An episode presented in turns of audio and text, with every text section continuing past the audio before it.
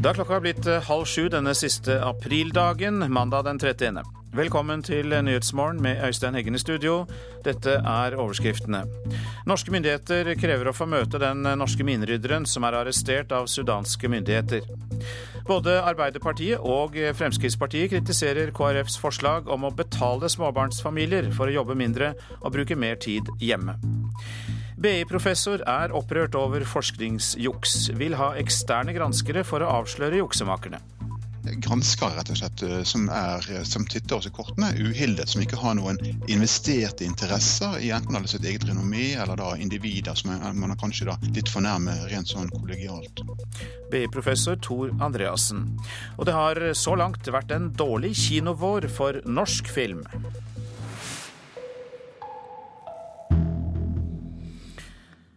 Først om eh, Arbeiderpartiet og Fremskrittspartiet, som begge kritiserer KrFs forslag om å betale småbarnsforeldre for å jobbe mindre og tilbringe mer tid hjemme med barna.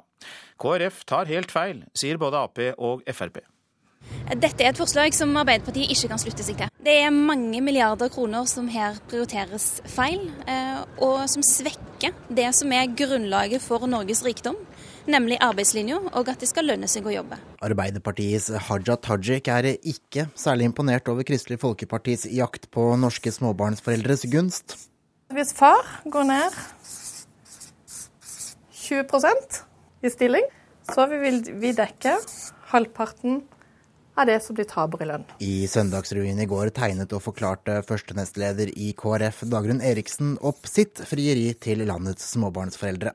Partiet vil nemlig gi gruppen mulighet til å jobbe mindre mens barna er små. For KrF så er det kanskje den største samfunnsinvesteringen vi kan gjøre, nemlig at familiene klarer å organisere livet sitt og få livet til å gå opp. I KrFs nye forslag vil partiet la mor eller far gå ned i en 80% stilling før barnet er fylt seks år. Halvparten av den tapte inntekten skal staten stå for. Dermed kan småbarnsfamilier få opptil 5700 kroner av staten i måneden for å jobbe mindre. Det å begynne å betale en så stor sum som dette for at foreldre skal jobbe mindre, det er i utgangspunktet Fremskrittspartiet ikke tilhenger av. Sier Fremskrittspartiets Solveig Horne, som heller ikke er overbevist over tegningene til Dagrun Eriksen. Det skal lønne seg å jobbe, og hovedproblemet med forslaget fra Kristelig Folkeparti er at det ikke lønner seg å jobbe, snarere tvert imot. Stortingets utredningsseksjon har regnet på forslaget, og mener at en sannsynlig prislapp vil ligge på rundt 3,2 til 7,4 milliarder kroner årlig. Og da er ikke eventuelle produksjonstap for samfunnet, reduserte skatteinntekter til staten og direkte direkte kostnader til gjennomføringen av ordningen medberegnet. Det er et forslag som koster mye mer enn det smaker. Men dette handler kun om prioriteringer, bedyrer Eriksen. Vi prioriterer familie i de budsjettene som vi har, sånn at dette vil gå veldig opp i vår totale tenkning. Dette er feil medisin for den enkelte familie, og da er det òg feil medisin for samfunnet som helhet. Det vi trenger er å bruke pengene på de tiltakene som er viktige for småbarnsfamilier, som barnehager, skoler, kulturskoler og andre ting. Til slutt der Arbeiderpartiets Haja Tajik. Reportere var Kent Amar Eriksen og eh, Astrid Randen. Det er gått litt over et døgn siden minerydderen John Sørbø ankom Khartoum etter å ha blitt arrestert på grensa til Sør-Sudan. I dag møtes norske og sudanesiske myndigheter. De, eh, da vil norske myndigheter kreve å få møte Sørbø. Fjernsynsbilder viser utbrente oljeinstallasjoner i byen Heglig på grensa mellom Nord- og Sør-Sudan. Kampen om oljerikdommen holder nå på å utvikle seg til full krig. I går erklærte Sudans president Omar al-Bashir unntakstilstand og handelsblokade på grensa. Det var her den norske minerydderen Jon Sørbø ble arrestert for to dager siden, sammen med en sørafrikaner og en brite. Tjenestemenn i hovedstaden Khartoum hevder de tre deltok i Sør-Sudans aggresjon mot nord, men har ikke kommet med konkrete anklager. Norges ambassadør i Sudan, Jens Petter Kjemperud, har hittil blitt nekta å møte Sørbø for å høre hans versjon. Eh, vi eh, hadde håpet at det skulle skje i dag. Eh, nå håper vi at det vil kunne skje etter at vi har hatt møte med Utenriksdepartementet i morgen formiddag. I dag vil han møte høytstående tjenestemenn for å kreve å få møte Sørbø. Pressetalsmann i UD, Frode Andersen, sier det er svært alvorlig om ambassadøren ikke får møte Sørbø. Ja, Vi ser alvorlig på det at eh, vi ikke får den tilgangen til. Det er en tilgang vi skal ha, har krav på etter folkeretten. Og vi har gitt klar tilbakemelding på at vi ønsker den, å møte han så fort som mulig. Da Sør-Sudan feira sin uavhengighet i fjor sommer, var det etter flere tiår med krig mot overherredømmet i nord. Under seremonien takka Sør-Sudans president Salva Kiir Norsk Folkehjelp spesielt. Og det at Sørbø arbeider for Norsk Folkehjelp, kan gjøre forhandlingene om løslating vanskeligere, spesielt når situasjonen nå er så tilspissa mellom nord og sør, forteller professor Anders Breilid ved Høgskolen i Oslo. Forholdet mellom Norsk Folkehjelp og Khartoum har vært, var under krigen, eh, og er fremdeles eh, spent. Så det er eh, ikke utenkelig at regjeringen i Khartoum vil kunne bruke hans eh, nære forbindelse med folkehjelpa for det, for det det er verdt. Sørbø og de andre pågrepne var ifølge Folkehjelpen i ferd med å kvalitetssikre et mineryddingsprosjekt i det urolige grenseområdet da de ble pågrepne. Per Nergård i Norsk Folkehjelp ser likevel at arrestasjonen ikke vil påvirke måten organisasjonen arbeider på i Sør-Sudan. Vi ser ingen grunn til å gjøre noen endringer i måten vi opererer på i Sør-Sudan foreløpig, men vi vil måtte evaluere eh, hva eh, våre folk gjorde i området. Vi vet hva de gjorde, men hvor de har befunnet seg, om de har, har beveget seg på feil område, eller om de har eh, forholdt seg til sikkerhetsinstruksen på en ordentlig måte. Men det er ingen grunn til å endre det. Det var Roger Severin Bruland som hadde laget dette innslaget. Kong Harald besøker flomrammede Holtålen kommune i Sør-Trøndelag i dag. Nedbør og storflom skapte kaos og dramatikk i august i fjor. Og reporter Bjørn Solli, dere ser vel fortsatt sporene etter flommen? Vi gjør det oppe i eh, Holtålen her. Kongen kommer for øvrig til å bli eh, velsigna med et veldig vakkert vær når han eh, kommer hit. Sola har ikke stått opp riktig ennå, men det kommer til å bli veldig fint her. Men som du sier, det er en del spor igjen etter flommen ennå. Og ordfører i Holtålen kommune, Jan Håvard Refsetås, hva er det dere vil vise kongen når han kommer hit i formiddag? Ja, Han kommer jo opp til sentrumen vår. Og vi laster ut kan du si, på det området der vi antagelig var hardest ramma den flomnatta midt mellom de to butikkene. Mm. Og Der rant jo vannet i strie strømmer under uh, selve flommen. Og det som mye av de husene som står der, de står fortsatt likeens som den gangen uh, flommen hadde ramma dem. Det er vel bare tetta igjen litt. Uh, samtidig så er det, det Coop-bygget det er jo pussa opp igjen og åpna opp for uh, god stund siden. Mens ellers så bærer det preg at det er en byggeplass. Vi holder på å få på plass ting. Jeg vil jo tro at de aller fleste fikk med seg de bildene som gikk både på Dagsrevy og ellers av rett og slett elva som tok ny vei rett gjennom sentrumen deres. Tok med seg samvirkelaget, eller gikk gjennom samvirkelaget. Og så var det et butikksenter nedom der, Ålen senter. Og der er det jo på langt nær ferdig oppfylt ennå. Nei, det, det, er vel rydda nå i og med at han som kommer på besøk og sier at kongen skal inn der og se. Mhm. Og det er faktisk det lokalet vi skal vise litt bilder fra det flomdøgnet til. Og orientere litt om hva som skjedde. Men uh, det er jo faktisk så høyt at det gikk jo en halvannen meter opp på uh, veggen inni det rommet. Og uh, der er det meninga at vi skal klare å åpne den 21. juni. At da skal det senteret være klart til åpning. Da skal butikkene være på plass igjen som det var? Da skal butikkene være på plass. og det, det, begynner å dette på plass ganske mye inn der, men det er en del malerarbeid som foregår, og litt sånn innredning. Mm.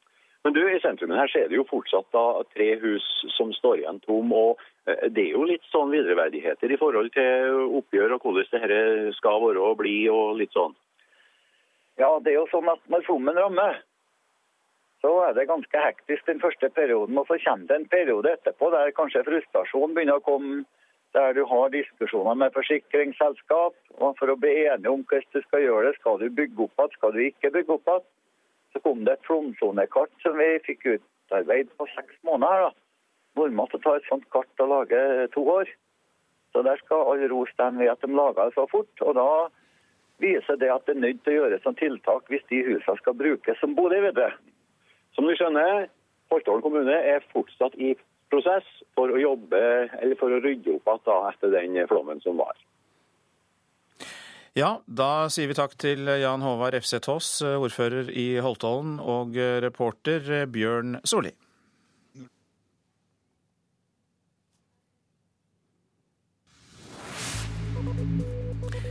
Så til dagens aviser. Et svik av SV, sier Trine Fissum til Adresseavisen. Hun melder seg ut av partiet etter 20 år, og årsaken er vedtaket om tidlig ultralyd. Fissum har en nevrologisk sykdom og vet ikke om hun hadde blitt et offer for slik ultralydpraksis, men jeg kjenner flere titalls som ville vært det, sier hun. Jo Arne Ødegård ble fjernet med makt fra barndomshjemmet Vestre Hakloa i eh, Nordmarka i Oslo for ni år siden, men vant etter en lang rettsprosess, skriver Nasjonen. En eh, rettskraftig dom blir nå satt til side pga. saksbehandlingsfeil fra staten, og grunneier Carl Otto Løvenskiold ruster seg til omkamp. Det kan ta flere år før Ødegård kan overta husmannsplassen likevel. De som ikke organiserer seg er egoister, sier rørlegger Kim Johansen til Dagsavisen. Avisen har eh, dagen før 1. mai tatt runden til mange lønnstakere for å spørre hva solidaritet betyr for dem. Går rett over i ny jobb, er Aftenpostens oppslag om arbeiderne fra Follum fabrikker. Nå har 211 av de 356 oppsagte arbeiderne på Hønefoss fått ny jobb eller pensjon. Klassekampen skriver om Pettersons eh, papirfabrikk i Moss som ble nedlagt 11.4. Bjørn Werner Johannessen ved Papirmaskin 4 sier at eh, fabrikken overlevde to verdenskriger og de harde 30-åra, men nå når vi renner over av olje, klarer vi det ikke. Høyreekstrem propaganda er spredt i postkasser i Tromsø, leser vi i Nordlys. Det er små grupper, men budskapet er tydelig høyreekstremistisk og rasistisk, sier Kari Partapoli i Antirasistisk senter til avisa. Lavere lønn som prest enn som gartner er oppslaget i Vårt Land. Tross sju års utdanning kommer prestene dårligere ut enn folk som kun har videregående skole. Sensitive pasientdata havnet i USA, skriver Bergens Tidende. Uten å vite det har amerikanskeide GE Healthcare ulovlig hentet pasientdata fra norske sykehus, og 65 000 vestlendinger kan være berørt. Nå er flåtten ekstra farlig, lyder advarselen i Dagbladet. Blodsugeren går inn i sin mest aktive periode. En litt annen vri i eh, VG, for eh, derfor blir mai supermåned, leser vi der. 20 graders varme, lavere strømpris, råbiler i Syden og økt sexlyst.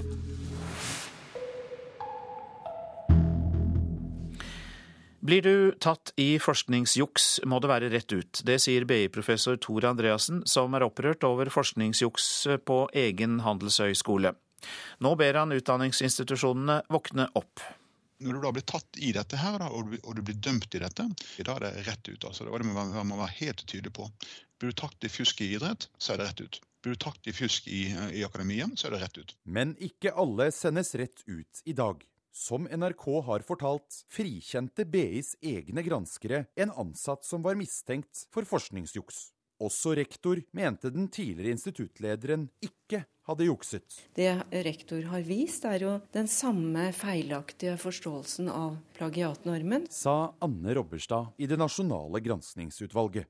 Først når hennes regjeringsoppnevnte granskere tok saken, ble doktoroppgaven erklært som juks. Nå må BI og andre skoler skjerpe seg, mener professor Andreassen. Vi har sett gjennom to saker i Norge, Sudbø-saken og det som nå er på BI, at vi har vært avhengig av eksterne komiteer for å trekke en konklusjon. Og jeg tror at universitetet og høyskolene da vil være tjent med at vi da har granskere rett og slett, eh, som, er, som titter oss i kortene, uhildet, som ikke har noen investerte interesser i enten sitt eget renommé eller da individer som man er kanskje da litt for nærme rent sånn kollegialt. NRK har snakket med en rekke professorer på BI som er kritiske til skolens håndtering av juksesaken. Foreløpig vil kun Andreassen uttale seg offentlig. Og ikke om BI spesielt, men om økende fristelser til å jukse blant mange forskere. Jeg tror vi må våkne opp til nå at vi må også ha da, kontrollmekanismer. Eh, oppvåkningen av næringen altså til å bli mer og mer en, en, industri hvor det handler om å publisere. Og rektorene som da begynner å drive forretninger fremfor universiteter og høyskoler. Presset på de ansatte om å prestere som blir stadig høyere og høyere. Og tilgangen på de gode journalene er vanskelig, og da blir vi ofte da litt kreative. ikke sant? Tom Kolbjørnsen vil ikke svare på utspillet fra en av sine egne. Men i et tidligere intervju med NRK understreket rektoren at han ikke er helt enig i juksedommen. Nei, Vi er nok uenig i deler av den fremstillingen som granskingsutvalget gir av behandlingen her. Plagiatbegrepet er enda ikke fullt avklart, og det er nok det viktigste utfordringen som akademia står overfor akkurat nå. Kolbjørnsen vil heller ikke frata forskeren sin grad før saken eventuelt er anket. Men uavhengig av BI er det viktigste for Andreassen at slike saker ikke gjentar seg. Tiltak som da rektorene eller administrasjonene gjør, eh, er ofte tilbakeholdne. Altså de vil helst ikke åpne den, eh, den, boksen eller den døren for å slippe uhyret frem. Altså da. Så ville det ramme merkenavnet så grassat at de da ville rase nedover på rankingene. Så jeg har faktisk opplever noen til å være tilbakeholdne med å adressere denne problemstillingen fordi de er livende redd for hva som kan skje med merkenavnet sitt. Altså da. Som samfunn så må vi våkne opp til det, og vi må ha da normer og etikk og moral blant forskerne som da forfekter at vi er her, ikke pga. prestisje eller penger. Og Innslaget var laget av Sindre Heirdal og eh, Håvard Grønli. Dette er Nyhetsmorgen, og klokka passerte nettopp 6.46. Dette er hovedsakene. Norske myndigheter krever å få møte den norske minerydderen som er arrestert av sudanske myndigheter. Både Ap og Frp kritiserer KrFs forslag om å betale småbarnsfamilier for å jobbe mindre og bruke mer tid hjemme. Og vi hørte nettopp at BI-professor er opprørt over forskningsjuks, krever eksterne granskere for å avsløre juksemakerne.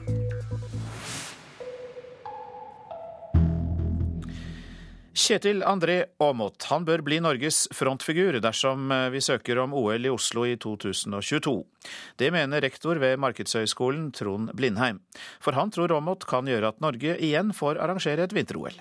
Han uh, har vunnet utrolig mye. Det er vel ikke som har vunnet så mye som han. Og han har på en måte det impacten, altså gjennomslagskraften, man bør ha. Så, så, han hadde passet veldig bra. Trond Blindheim er ikke i tvil om hvem som bør fronte et eventuelt OL-kandidatur. Også et av verdens største PR-byråer mener Norge bør lete etter en frontfigur som har hatt suksess som utøver. I do think that it provides an element of fame and international credibility if the person leading the bid is the person that can talk with passion about um, the experience of having competed and the importance of the Olympics in inspiring the next generation to choose winter sport. Sier Andy Southerden i PR-byrået Hill Knowlton. De hjalp bl.a. London til å få årets sommer-OL. Der har tidligere mellomdistanseløper Sebastian Coe fungert som frontfigur. We learned from the London bid that the moment Seb Coe joined the bid, the campaign changed gear. The momentum increased. So I think the type of person that Norway would be well considered looking at is the type of person that can connect with the IOC, is ideally known to the IOC, and is somewhat of a hero in the country. Kommer i mål, blir det gull eller sølv? Ja! Blir gull Kjetil André Aamodt! I juni vil et ekstraordinært idrettsting bestemme seg for om Norge skal søke om å få OL i 2022. Kjetil André Aamodt sier til NRK at det er hyggelig å bli nevnt, men ønsker ikke å kommentere forslaget. Norge er jo en vintersportnasjon, men den aller største vintersportidretten, hvis vi ser det i europeisk sammenheng, så vil det være eh, alpinidretten. Og da er jo det Kjetil André Aamodt som er det store navnet i Norge. Markedshøgskolens rektor Trond Blindheim, reporter Mats Håby. I dag er det ett år siden den tragiske båtulykken i Tokke i Drangedal, der to unge menn omkom. Sju ungdommer var om bord da de kjørte på et skjær natt til 1. mai i fjor. Gunhild Vøllestad er eh, moren til en av ungdommene som overlevde ulykken, og har tatt initiativ til en minnemarkering i Drangedal kirke i kveld. Det var helt forferdelig. Altså, Han sier jo alltid til ungene sine ja, må du være forsiktig, må du være forsiktig. Og det vet jo at de gjør det som de vil likevel. Men da har han liksom sagt det, så tror han at det hjelper. Og så fikk jeg da telefonen fra eh, kusina til dattera mi i halv tre-tida på natta. At eh, 'Å, tante, det har skjedd et eller annet. Det har skjedd ei båtulykke. Jeg tror kanskje dattera di er om bord i båten', sa hun. Og så visste de at det var en som var savna, og en som var omkommet. De minuttene da ifra jeg eh, snakka med politiet til jeg fikk snakka med dattera mi, det, de vil jeg ikke ha igjen. Og da den lettelsen når jeg fikk snakka med henne sjøl på telefonen. Og så tenker en jo selvfølgelig da på de som, eh, som fikk den andre telefonen. Det var 20 år gamle Ole Kristian Rønning Tveit og 22 år gamle Even André Øynes Hegna som mista livet i båtulykka. Natt til 1. mai fikk Siv Rønning den telefonen ingen mamma skal få. Da fikk jeg telefonen fem på ett natt til 1. mai. av politiet at det var en ulykke. Eh, syv stykker i båten, og to var savna. Deriblant min sønn. Hva tenkte du da? Ja, først så tenkte jeg at det kan ikke være han. Og lommekjent og ligger sikkert Har svømt en plass, liksom. Han var jo en sånn friluftsgutt. Han er av en plass, liksom. Det, det er mørkt og kaldt, og, men han, han, er, han er av en plass.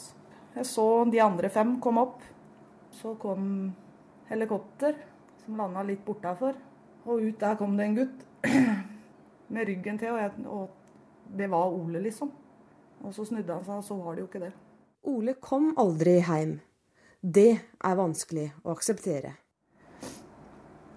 Mange dager så Det har ikke gått liksom opp ennå. Du venter fortsatt på telefon, eller han skal komme inn døra. Og... Ja. Veldig mye minner, liksom. Forferdelig vondt, bare. Det skal være en minnemarkering. Hva tenker du om at de eh, møtes nå et år etter? Det er jo veldig spesielt for oss, selvfølgelig. Vi gruer vel til den dagen, vi som er nærme, i hvert fall. Men så er det veldig fint at de ikke er glemt opp på en annen måte. For veldig ofte så blir, blir ting glemt. Men det var vel to fine gutter da, som fortjener det sikkert. Er det viktig også, tenker du, på å ikke glemme fordi at det, altså, ungdommer og tukke og fyll og båtkjøring, det, sånn har det alltid vært? Ja. Og sånn kommer det til å bli òg. Frykter du at folk ikke har lært? Ja, det har skjedd før, og det håper selvfølgelig ikke det skjer igjen. Men når man så mange det var i fjor, det var 32 som omkom på vannet i fjor. Men nå, nå leste jeg i avisa i dag, nå har de jo fått politibåt, så nå skal det jo bli promillekontroll her på Toko. Og det er på høy tid, faktisk. For det er sånn ingenmannsland. Så det er veldig bra, syns jeg. Tror du at den markeringa kan også være en slags påminnelse til ungdommer at eh, ikke gjør det? Jeg håper jo det, når man ser hvor skummelt det er, liksom. Så det er farligere enn en tror. Når man får litt innabords, så er en jo verdensmester her. Så det skjer jo ikke meg, men eh, det kan det fort gjøre. Og reporter, det var Anita Moland. Færre ser norsk film. Kinobesøket er det dårligste på ti år denne våren. Det er skremmende, mener redaktør for eh, filmtidsskriftet Cinema. Og så er det OK. Vi ser det. Kommer den? Øyvor Skofteland skriver ut kinobilletter på Saga kino i Oslo med døtrene Ingvild og Kristine. Skal se en som heter Katte i Paris. En katt i Paris er en fransk film, men hvor mange norske filmer har familien sett på kino i år? Og dette her, eh, nei, det er litt flaut. Jeg tror ikke jeg har sett noen. Jeg syns det er for få norske barnefilmer, for hvis de først går, så, så er det veldig populært. altså. Vi går gjerne på dem, eh, men det er jo ganske sjeldent. For norsk film har dette vært den dårligste kinovåren på ti år. Før helga hadde norske filmer i år bare solgt rundt 350 000 billetter, viser tall fra bransjeforeninga Film og Kino. Det er langt under halvparten av besøket på samme tid i fjor, og bare en fjerdedel av besøket våren 2009, da Max Manus herja som verst på norske kinoer. Ja, Det er jo skremmende dårlig, rett og slett. Det er jo nesten katastrofalt hvis man ser på tallene i forhold til hva det har vært tidligere i år. Det sier Geir Kamsvåg, redaktør for filmtidsskriftet Cinema. Blant filmene som har hatt premiere er Kompani Orheim og to Varg Veum-filmer. Men Kamsvåg tror det rekordlave billettsalget hovedsakelig skyldes at det ikke er kommet noen norsk familiefilm i vår. For liten satsing på norsk barnefilm. Jeg tror der ligger mye av årsaken til det dårlige kinobesøket på norske filmer så langt i år. Kamsvåg mener Norsk Filminstitutt, NFI, har satsa feil i sin pengestøtte til norsk film, ved å satse på få storfilmer i stedet for flere mindre filmer. Vi tror det er viktig å støtte store filmer som kan fungere som lokomotivfilmer og trekke stort publikum. Sier avdelingsdirektør Ivar Køhn ved Norsk Filminstitutt. Storfilmene blir så godt som alltid lansert på høsten. Vanligvis kommer det en barnefilm om våren, men NFI har ikke hatt råd til å støtte like mange filmer i år, så barna må vente til høsten med å se en norsk film. Kulturdepartementet vil se året under ett, så det er ikke aktuelt å endre filmpolitikken pga. kvartalstall. Reporter Hege Valenius og Ida Kvitingen. Welcome everyone to this celebration of the launch of Karl Ove Knausgårds My Struggle, Book One. Generalkonsul Sissel Breie ønsker velkommen til den amerikanske lanseringen av Karl Ove Knausgårds første bok i serien Min kamp. Vi er i det norske konsulatets representasjonsbolig her i New York. Den norsk-amerikanske forfatteren Siri Hustvedt skal intervjue Knausgård foran et femtitalls tilhørere. Uh, Romanforfatteren Siri Hustvedt er født i Minnesota av norske foreldre. Som Knausgård er hennes romaner oversatt til en rekke språk. Hun har latt seg fascinere av Knausgårds bokprosjekt. I love the book. I think it's a, quite an extraordinary uh, work. I've never read a book quite like it. Hvilke forventninger har du til uh, lanseringen her i USA? Uh, jeg har egentlig ingen forventninger i det hele tatt. Jeg tar det som det kommer. Men jeg tror man må ha et uh, man, må ha, man må ha en veldig bra bok, og så må man ha flaks. Uh, man kan få uflaks for en anmelder som ikke liker det i New York Times. Så blir det vanskelig. For man er som syns den er helt utrolig fantastisk, så, så begynner ting å hende. ikke sant? USA er land nummer 15 som nå gir ut første bind av Min kamp. Knausgård høstet nylig strålende kritikker i Storbritannia, og har tidligere fått svært god omtale i både Tyskland, Nederland, Sverige og Danmark. I USA får han denne uken drahjelp fra litteraturarrangementet Penword Voices her i New York. Festivaldirektør Laslo Orsos gleder seg til å presentere den norske forfatteren og hans livshistorie. Han mener Knausgård er en svært modig forfatter. Really not just a, a special writer, but a specially courageous writer. Knausgårds amerikanske forlegger Jill Schoolman tror amerikanske lesere vil la seg berøre av boken. You know, in, diff in, different ways. I think some people might be disturbed by it, some people might be inspired by the storytelling, and um, I have a feeling it's going to do well. Hjemme i Norge er opplaget på de seks bindene i serien nå på 458 000. Her i USA venter nå flere lanseringsarrangementer både i New York og Washington og den beskjedne sørlandsforfatteren påstår han ikke vil bli skuffet dersom bind én får dårlige kritikker i amerikanske medier. Jeg har jo noen flere bind å by på, sier han med et lite smil. Jon Gelius, New York.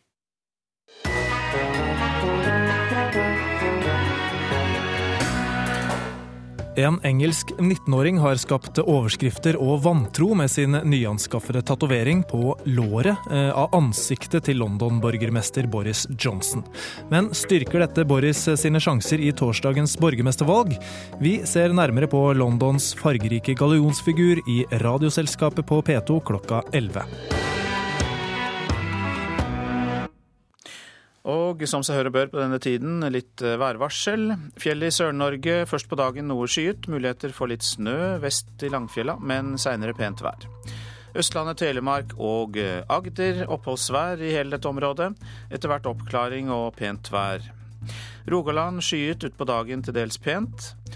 Hordaland og eh, Sogn og Fjordane etter hvert stort sett pent vær. I kveld kan det bli perioder med liten kuling.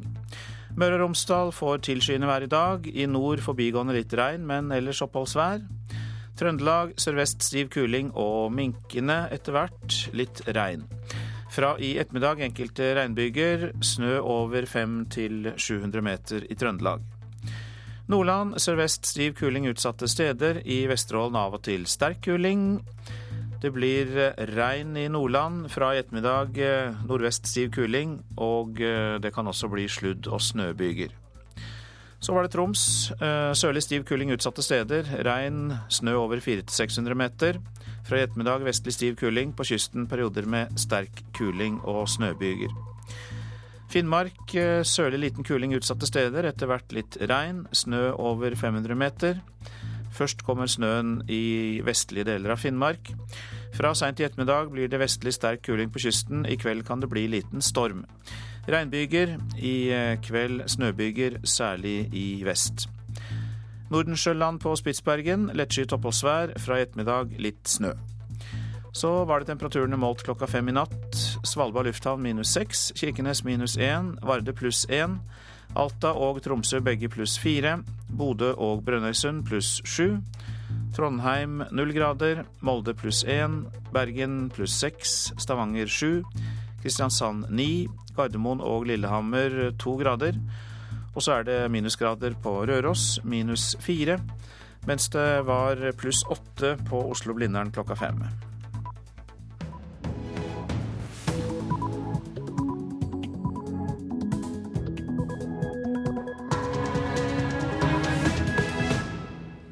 Da kan vi slå fast at du lytter til Nyhetsmorgen nå klokka sju, og Øystein Heggen er i studio i dag. Dette er en nyhetsoppdatering først. Norske myndigheter krever å få møte arrestert minerydder i Sudan. Norges ambassadør i Sudan, Jens Petter Kjemperud, har hittil blitt nekta å møte Sørbø for å høre hans versjon. I dag vil han møte høytstående tjenestemenn for å kreve å få møte Sørbø. Det sa reporter Roger Severin Bruland. Forskjellen i levealder øker mellom folk med høy og lav utdanning. Forskning tyder på at det delvis kan være pga. Eh, helseatferd, deriblant eh, røykevaner. Olaug Steingrimsdottir ved Folkehelseinstituttet var det som sa det. Både Arbeiderpartiet og Frp kritiserer KrFs forslag om å betale småbarnsfamilier for å jobbe mindre og bruke mer tid hjemme. Hvorfor vente fem år med doblet sykkelsatsing, spør syklistene etter klimameldingen. Hvis man skal få økt sykkelandel i Norge, få nådd de klimapolitiske målene, så kan man ikke vente fem år med å begynne å satse på sykkel. Generalsekretær Rune Jøs i Syklistenes Landsforening. Og vi tar også med at BI-professor vil kaste ut forskningsjuksere fra høyskolene.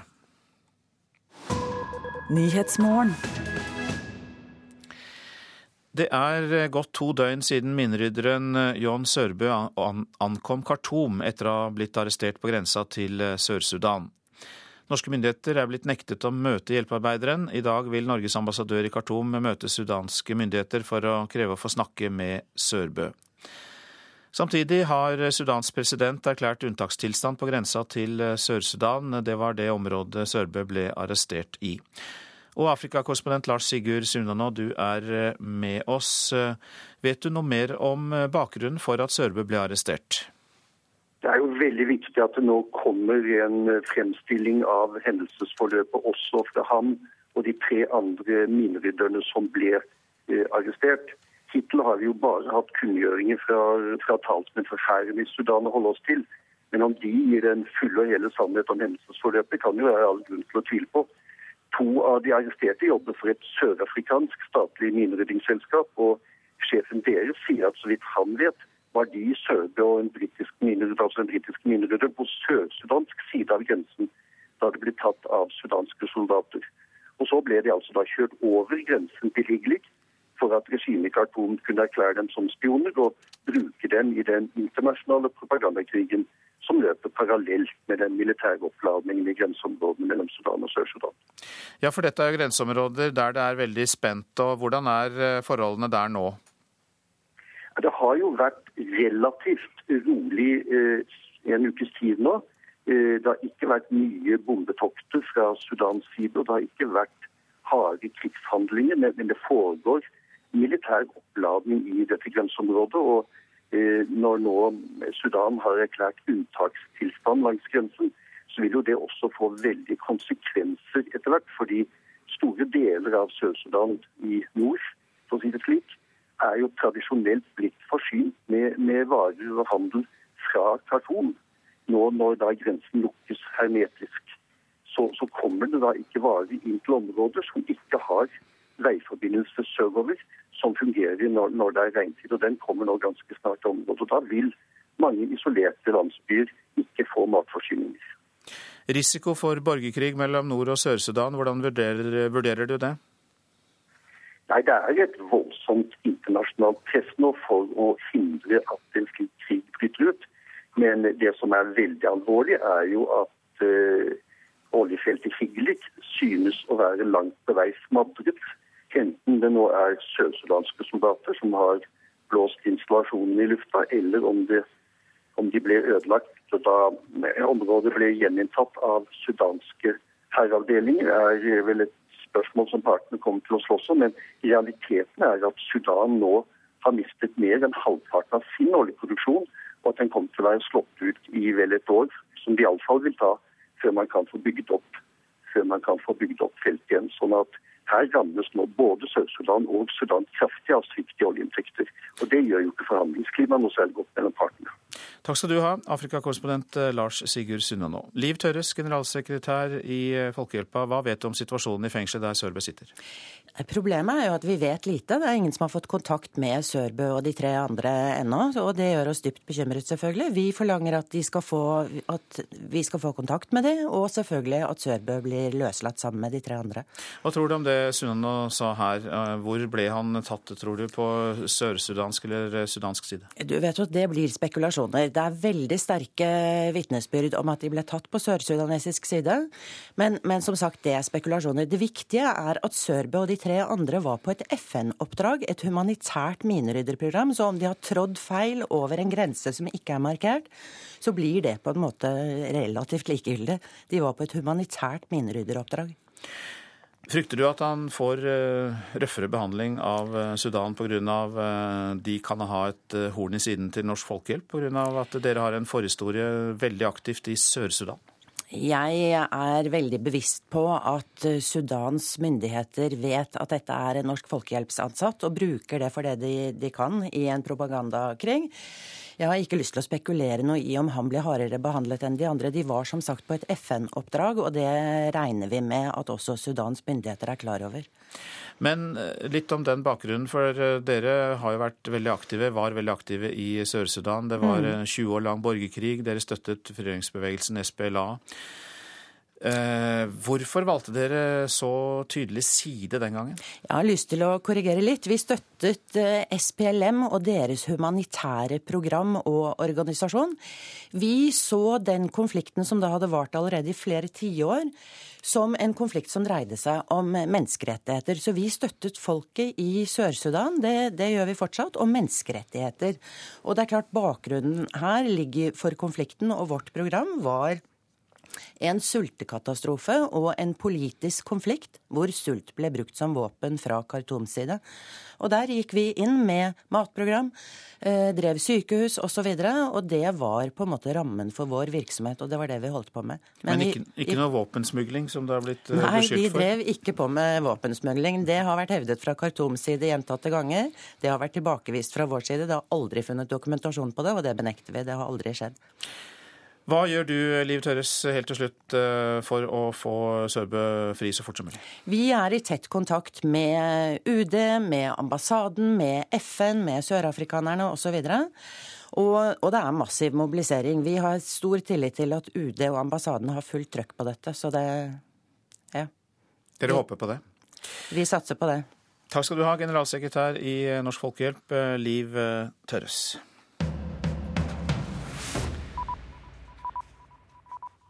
FN-leder Ban Ki-moon har i dag hatt samtaler med presidenten i Myanmar for å oppmuntre til videre demokratiske reformer i landet. Senere i dag skal eh, Ban Ki-moon tale i Myanmars parlament. Han skal også ha samtaler med opposisjonsleder Aung San Suu Kyi i løpet av de tre dagene han besøker landet. Ban Ki-moon har tidligere sagt at Myanmar nå er inne i en kritisk fase. Det svenske utenriksdepartementet har innkalt Ukrainas ambassadør i Sverige for å få en forklaring på bilder hvor Ukrainas tidligere statsminister Julia Timosjenko har blåmerker etter å ha blitt mishandlet i fengselet. Timosjenko soner en sju år lang dom for maktmisbruk. Sveriges utenriksminister Carl Bildt sier til svensk TV 4 at det gjenstår å se om de får en dialog med ukrainske myndigheter. Nok en journalist er drept i Mexico. Krimreporter Regina Martinez ble funnet mishandlet og drept i hjemmet sitt i delstaten Veracruz. Martinez jobbet i nyhetsmagasinet Prosecco, og som driver med undersøkende journalistikk. Over 40 journalister er drept eller har forsvunnet i Mexico siden 2006. Så hjem igjen til Norge og forskjellig levealder. Eh, det er nemlig slik at forskjellen i levealder mellom eh, folk som har høy og lav utdanning, det øker, viser tall fra Folkehelseinstituttet. De siste 50 årene så har jo den forventede levealderen i Norge økt, sånn generelt sett, men forskjellene mellom de med og uten utdanning blir større og større. Erik Nord er en av dem som nyter godt av eh, utdanningen i alderdommen. Altså, Jeg leser jo Spiegel, New York Review Books, Le Monde Diplomatique, og så leser jeg mye bøker. Men jeg orker ikke å lese så mye lenger. altså Jeg blir trøtt. Snart 94 år gammel, men han holder seg oppdatert. Erik Nord var for inntil et par år siden aktiv ved Norsk utenrikspolitisk institutt. Han er utdannet jurist og har gjennom et langt liv vært diplomat, foreleser og debattant. Han tror det store fokuset på trening i samfunnets høyere lag er noe av årsaken til forskjellen i levealder. Fattige folk lever kortere. De lever kanskje mindre sunt også. De lever dårligere, dårligere leiligheter osv. Og, og eh, mens de som er på toppen, de har mer å bare se nå. Nå er det det som er inn. Det er at toppfolkene i samfunnet de skal gå Birkebeineren osv., og, og de skal sette rekorder osv. Og det er sånn oppslutning om dette. Ifølge Folkehelseinstituttet øker forskjellen i forventet levealder for nordmenn. Menn som tar høyere utdanning, lever nå seks år lenger enn menn som ikke tar utdanning i det hele tatt. Men for 50 år siden var det ikke store forskjellen. Også hos kvinner har forskjellene økt utdannede kvinner kan forvente å leve fem år lenger enn kvinner som kun har grunnskole bak seg. Nå vil Folkehelseinstituttet jobbe videre med tallene for å finne ut hvorfor det er slik. For det er de ikke sikre på. Det vet vi ikke helt. Men eh, det, forskning tyder på at det delvis kan være pga. Eh, helseatferd. Og der iblant røykevaner. Det sier Olaug Steingrimsdotter ved Folkehelseinstituttet. Hun tror informasjon om helsetiltak og lignende ikke alltid når ut til alle samfunnslag. Da kan bredere tiltak være en løsning. Det som eh, man ser er at det er kanskje kanskje ikke nok med individuelle tiltak, men at eh, man må gå inn i dette med strukturelle tiltak, som da berører eh, befolkningen på en annen måte. Erik Nord har aldri vært noen storrøyker, og han har hele livet drukket med måte. Da beina holdt, var han glad i å gå turer i skogen, men trente aldri bevisst for å holde seg sunn. Han har ett godt råd for å leve et langt liv. Det er veldig enkelt. Sørg for at du kan få jobb som du trives i. Og ikke vær så opptatt av mye du tjener. Det viktigste i livet det er å få en jobb du trives med, som du gleder deg til stort sett da, til du går hver dag. Hvis du ser gruer deg til å gå på jobben hver dag, så er det et mareritt. Nei, penger er ikke alt. Det var eh, sikkert og visst, og det var jo Erik Nord som kom med dette gode rådet på tampen der, eh, og reporter var Iver Kleiven.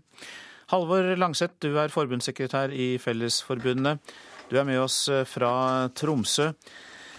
Ja, Er det slik at folk med høyere utdanning er flinkere til å ta vare på helsa, helsa si? Det handler vel sannsynligvis lite om å være flink eller ikke flink. Det handler vel mest om at mange eller få år på skolebenken fører til ulike yrker. Med ulike lønns- og arbeidsforhold, ulik status og trivsel, som Erik Norsi. Så du mener at det har eh, mer å gjøre med at man har jobber der man blir bestemt over og styrer mindre, i motsetning til eh, jobber med folk, eh, til folk som har utdanning, som har mer styring over jobben sin sjøl? Ja, det er fortsatt stor forskjell i hverdagen for de som er i såkalt arbeideryrker eller funksjonæryrker. De mest eh, fysiske belasta yrkene har fortsatt lengst arbeidsdag, minst fritid, lavest lønn, og som i sin tid fører igjen til dårligere boforhold, minst sunne maten, mest stress for å få hverdagen til å gå rundt. Og Eh, da overskudd til å drive aktiv fritid. Altså Forskjellene er jo små i Norge sånn i verdenssammenheng, men eh, de er der fortsatt. Og, og antagelig stor nok til at det også gir seg utslag i levealderen.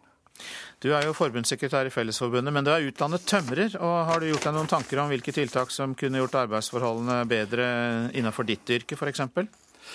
Altså Vi eh, som jobber i fagbevegelsen, jobber jo for å få bedre lønns- og arbeidsvilkår og også legge grunnlaget for bedre helse. Vi er opptatt av et systematisk HMS-arbeid på arbeidsplassene. Ikke minst for å få bort unødig slitasjeskader som er knytta til ensidig arbeid og, og, mye stress i. Ellers er jo Fellesforbundet også opptatt av da, å få jevna ut forholdene generelt. Altså Årets tariffoppgjør så har vi fått på plass f.eks. to ukers pappapermisjon også for, for eh, arbeiderfedre, som de andre har hatt i 20-25 år. i og det som vi kanskje er mest opptatt av nå, det er jo da å få hindre utvikling av et nytt skift med, med løsarbeidere knytta til inn- og utleie av vikarbyrå, som i tillegg til det, da det er usikre arbeidsforholdene, får de verste jobbene. Eh, til slutt, Halvor Langseth, eh, sett i lys av dette, hva blir den viktigste parolen da 1. mai, altså i morgen? Nei, Parolen i morgen for oss i fagbevegelsen er nok det å hindre utviklinga av det nye løsarbeidersjiktet i Iran. Som går på det å leie inn vikarer? Ja, vi skal være fast ansatte fagarbeidere. Det er utgangspunktet vårt. Mange takk for at du var med fra studio i Tromsø, Halvor Langseth, forbundssekretær i Fellesforbundet. Dette er Nyhetsmorgen, og klokka er akkurat passert kvart over sju. Dette er hovedsakene. Norske myndigheter krever å få møte den norske minerydderen som er arrestert av sudanske myndigheter. Vi hørte nettopp at forskjellene i levealder øker mellom folk som har høy og lav utdanning. Og hvorfor vente fem år med dobbel sykkelsatsing? Det skal vi straks høre om. For flere og flere må sykle til daglig. Det fromme ønsket kommer fra regjeringen, som blar opp dobbelt så mye penger på sykkelstier.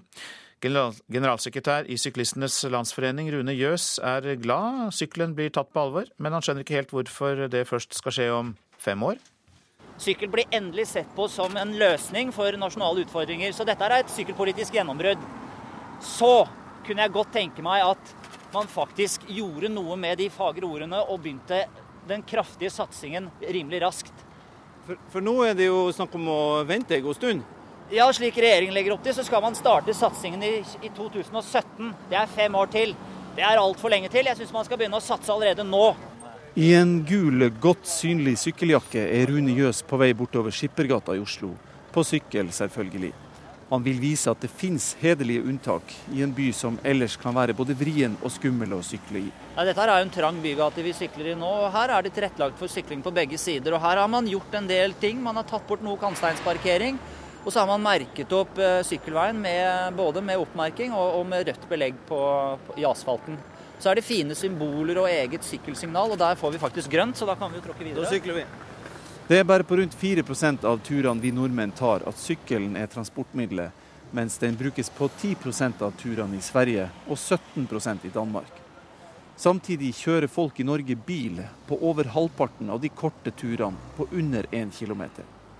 Statsministeren trakk fram sykling som et vektig klimatiltak da han presenterte klimameldinga i forrige uke. At vi sykler mer er et kraftig undervurdert klimatiltak men da må man gjøre noe nå, ikke først om fem år, sier Rune Jøs. Det er et vanvittig investeringsbehov eh, i, norske byer og tettsteder. Det er et behov for... Hvorfor akkurat der? Det er jo byer og tettsteder at potensialet er størst for sykling. Så her må man jo bare ta et gigantløft og begynne å investere i norske byer for å få flere til å sykle. Men tross alt, de snakker om en dobling av eh, utbygging av sykkelveier. Det må vel være bra selv for dere? Altså, En dobling er bra, men vi mener at man må minst investere 1 milliard i året. Jeg tror at en sånn type tilrettelegging som det her gjør at enda flere begynner å sykle. Så ja, Vi passerte jo akkurat nå en eldre dame med flott kurv på sykkelen som var ute og handla. Så det vil vi se mye, mye mer av. Det sa Rune Jøs, eh, som var på sykkeltur med Kjartan Røslett. Vi hørte jo også at Jøs hadde gul og synlig sykkeljakke, og det har sannelig du også, statssekretær Erik Landstein fra Samferdselsdepartementet. Jeg har en meget sterk mistanke om at du har sykla hit i dag? Jeg har det, og det er en eh, fin start på dagen. Og det regjeringen ønsker er jo at eh, vi skal gjøre det litt enklere for folk å sykle effektivt eh, og trygt. Ikke bare til og fra jobben, men til butikken og til fritidsaktiviteter. For en veldig stor del av de reisene som vi foretar oss, er ikke lenger enn at sykkelen godt kan brukes.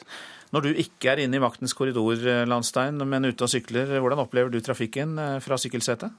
Jeg opplever jo at eh, en by som Oslo er veldig eh, variabelt tilrettelagt for sykkel. Noen få steder er det eh, kjempefint. Da går det unna, da er det behagelig, da er det trygt å sykle. Men sammenlignet f.eks. med Nederland, hvor jeg har bodd et halvt år, så er jo forholdene veldig, veldig enkle. Og det som er det store tankekorset, det er at vi vet at hvis vi tilrettelegger for sykkel, så kan vi få helt andre andeler enn i dag. Det er bra for klimaet, det er kjempebra for lokalmiljø og fremkommelighet, og så er det en eh, supergevinst for folkehelse. Vi hørte nettopp uh, utfordringen med at uh, levealders økning i forskjell på levealder. Og vi vet at de som sykler, de lever lenger, og de lever bedre. Men så har vi dette kjernepunktet som vi hørte om i saken her, nemlig at det tar så lang tid før det blir gjort noe. Altså disse forbedringene er ikke klare før i 2017. Og hvorfor tar det fem år? Det er faktisk ikke helt riktig. Det regjeringen har sagt, er at eh, på samme måte som vi nå har tatt et kjempe kjempeløft for, for jernbane. Vi har tredoblet eh, investeringene siden vi eh, tok over regjeringsmakten. Det har vi da måttet gjøre gradvis, en, en opptrapping over tid. Så sier vi at den økte satsingen som skal komme på sykkel, den skal komme opp på et nivå innen 2017. Så opptrappingen skal starte før det. Men er det pengene som bremser dere, og som gjør at det ikke kommer opp på toppnivå før i, før i 2017? Eller er det alle reguleringsplanene og ting som skal til for å få til? Det varierer eh, litt. I mange, mange byer og tettsteder så ser vi at viktige sykkelprosjekter blir skjøvet på fordi det er for lite politisk oppmerksomhet, mm. manglende vilje til å ta de tøffe valgene. Men, men, det er også slik at det fins planer som vi ikke har klart å følge opp fordi vi ikke har hatt nok penger, og det ønsker regjeringen å gjøre noe med. Derfor mener vi det er riktig å styrke satsingen på sykkel kraftig. Og så har samferdselsministeren vært veldig tydelig på at for at denne statlige satsingen skal få stor effekt, så ønsker hun å prioritere eh, de kommuner der kommunene og fylkene selv tilrettelegger. For det vi er helt avhengig av, det er å ikke bare ha klattvis utbygging av det statlige sykkelveinettet, men kommunene eh, som har det aller største ansvaret, må langs det kommunale veinettet også ta kraftsak. Jo, men det betyr altså at dere oppfordrer eh, kommuner og byer, ikke minst, til å ta initiativ sjøl, og så vil de da lettere kunne få penger fra dere hvis de er mer villige sjøl til å gå inn i dette? Det er helt riktig. For det vi ser er at f.eks. en by som Trondheim, eh, hvor lokale myndigheter har valgt eh, å satse på å tilrettelegge for sykkel, ja, der ligger sykkelandelen skyhøyt over det som er landsgjennomsnittet. Så dette handler bare om eh, politisk vilje til å tilrettelegge, og da sier regjeringen at det ønsker vi å forsterke ytterligere, og at de statlige pengene som vi legger på bordet, det skal brukes til å gi de som vil satse, ytterligere drahjelp. En oppfordring til eh, ordfører rundt forbi i det ganske land fra statssekretær eh, Erik Landstein i Samferdselsdepartementet. Takk for at du kom i studio. I dag blir de første 50 av om lag 90 ansatte ved Domsteins filetfabrikk i Måløy i Sogn og Fjordane satt på porten. Fiskerigigantens eh, sysselsatte over 300 arbeidere i Måløy, men stanser produksjonen i Norge i dag. Og tilbake står da de fleste ansatte, mange i alderen 40 til 67, uten jobb. Det er klart det er en dramatisk dag, altså, når, eh, når Domstein, som har vært en, en hjørnesteinsbedrift med produksjon i området, begynner avviklinga. Så, så dramatisk det er det. Vågsøy-ordfører Morten Hagen hadde helst sett at denne dagen ikke kom. Domstein fileterer sin siste fisk i Måløy. 90 personer blir overflødige når produksjonen blir flytta til Danmark. Fra kommunens side så, så, er det jo ikke sånn at vi bare kan eh, troppe opp med, med mye Eh, midler og arbeidsplasser. Nav har eh, bemanna opp, og, og kommunen sin del på Nav bidrar ekstra, sånn at vi skal kunne ta imot den pågangen som kommer. Domstein har vært en fiskerigigant av internasjonal storleik. Men stadig tøffere konkurranse, ikke minst fra Kina, har ført til flere runder med nedskjæringer. I 2005 mista 100 ansatte jobben i Måløy. Når filetproduksjonen i dag stanser for godt, vil først 51 stå uten arbeid, og når lageret er tømt i juni, nærere 90 ansatte. I Vågsøy er det en eh, elleve ledige stillinger per i dag. Sier Ragnhild Holm, Nav-leder i Vågsøy. Hun tror mange nå vil trenge ny utdanning. Det er en eh, overvekt av de stillingene som er lyst ledige, som eh, setter krav til fagkvalifikasjoner. Det kan være en eh, mismatch mellom de som er ledige og det arbeidsgivere trenger av kompetanse. Reporter her var Vidar Gudvangen.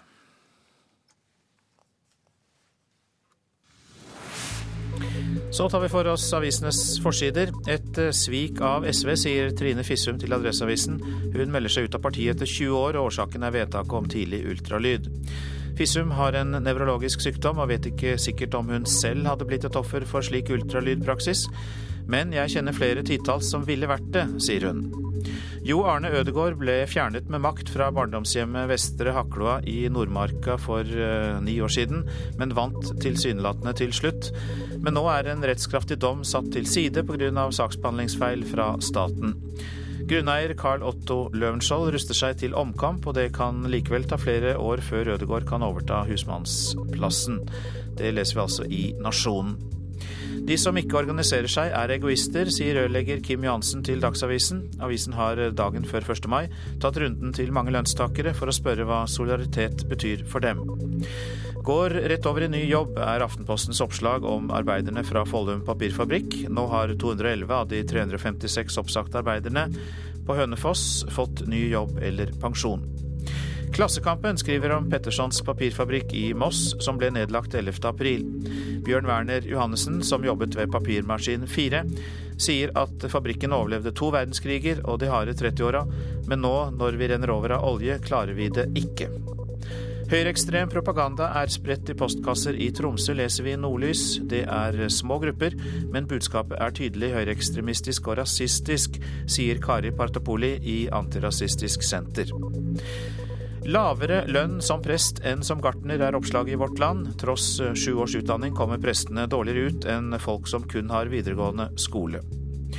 Sensitive pasientdata havnet i USA, skriver Bergens Tidende. Uten å vite det har amerikanskeide GGE Healthcare ulovlig hentet pasientdata fra norske sykehus, og 65 000 vestlendinger kan være berørt. Nå er flåtten ekstra farlig, lyder advarselen i Dagbladet. Blodsugeren går inn i sin mest aktive periode. En litt annen tone i VG, for der blir mai en supermåned med 20 graders varme, lavere strømpris, råbillig i Syden og økt sexlyst. Vindkraft eller ei, det skaper konflikter i mange norske kommuner. Motstanderne frykter rasering av verdifulle naturområder og ønsker seg helhetlige planer. Østfolds eneste gjenværende villmarksområde ligger i Vestfjella i Aremark, men der er det planlagt et stort vindkraftanlegg. Motstanderne høster støtte i Den norske turistforening, som vil ha en nasjonal vindkraftplan for å spare verdifull natur. Lyden av vindmøller. Vakker musikk for energiselskaper, kommuner og grunneiere som tjener godt på dem støyende akkompagnement til store lokale konflikter og nedbygging av norsk natur, mener miljøvernere og friluftsfolk. Fraværet av et godt planverk for norsk vindkraftutbygging gir private aktører for stort spillerom, mener Bård Andersen fra Aremark. Bare i løpet av et par uker nå så er jeg blitt oppringt av flere grunneiere oppover på Østlandet, som da har hatt vindkraftaktører på trappa, og nærmest ikke har forlatt trappa før de har underskrifter på papir. Det, det rår en Klondyke-kultur uten sidestykke her. Ca. 200 store vindkraftprosjekter med vindturbiner på opptil 180 meters høyde er eller har vært til behandling hos Norges vassdrags- og energidirektorat. Venstrepolitiker Solveig Toft mener nedbyggingen av norsk natur til fordel for vindkraft går på den norske folkesjela løs. Vi identifiserer oss med natur. Men helt ukritisk så skal vi da plutselig bare se på at eh, vi bare bygger ut vår kyststripe og skoglandskap nå.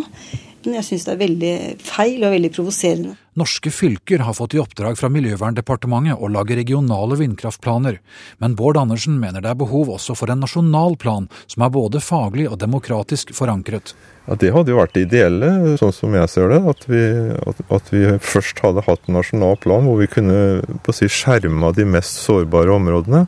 Og, og da hadde vi iallfall vært litt mer forutsigbarhet, og, og vi hadde kanskje unngått de, de vindkraftprosjektene med, med de store konfliktene. Den norske turistforening har lenge etterlyst en slik plan, og fagsjef Oddvin Lund sier at dagens situasjon er lite tilfredsstillende. Man plasserer eh, anlegg der hvor det ikke burde vært plassert i forhold til miljøhensyn. Det vi skulle hatt, var en mye grundigere utvelgelse av ja-områder og nei-områder. Det burde miljømyndighetene sørge for, men der blir det etter vårt syn ikke tatt nok hensyn til av energimyndighetene. Vassdrags- og energidirektør Per Sannerud sier at NVE har nasjonale retningslinjer å forholde seg til, men at Stortinget ikke har ønsket å lage en nasjonal plan for vindkraft. Han understreker at NVE skal sørge for at norske mål om fornybar energi nås, men sier at det jobbes aktivt for å begrense skadevirkningene. Vi har eh, klimamål i, i Norge som er politisk bestemt, som eh, innebærer at det må bygges ny fornybar energi. Og som alle vet, så vil det innebære naturinngrep, og vår jobb er å gjøre det mest mulig skånsomt. Ja, det sa vassdrags- og energidirektør Per Sannerud til reporter Pål Andersen. Du lytter til Nyhetsmorgen, produsent i dag Silje Katrine Bjarkøy, her i studio Øystein Heggen, og nå skal vi ganske straks ha Dagsnytt med Silje Sande.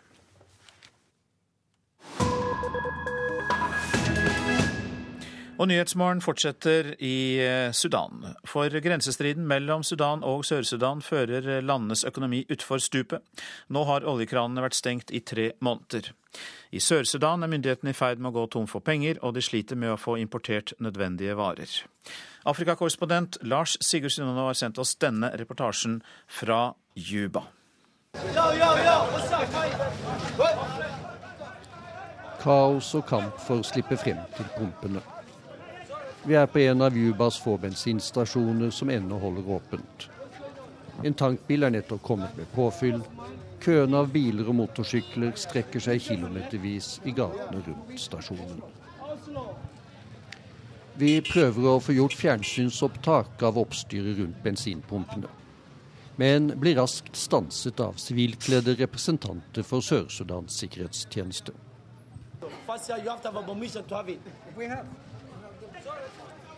Bensinmangelen er åpenbart ingen god reklame for verdens nyeste nasjon, som ble feiret med brask og bram da den fikk sin uavhengighet 9.7 i fjor. Men etter at Sør-Sudan stengte alle oljefeltene sine for tre måneder siden, som et trekk i den bitre konflikten med Sudan, arvefienden i nord, er landet nå på dunken økonomisk.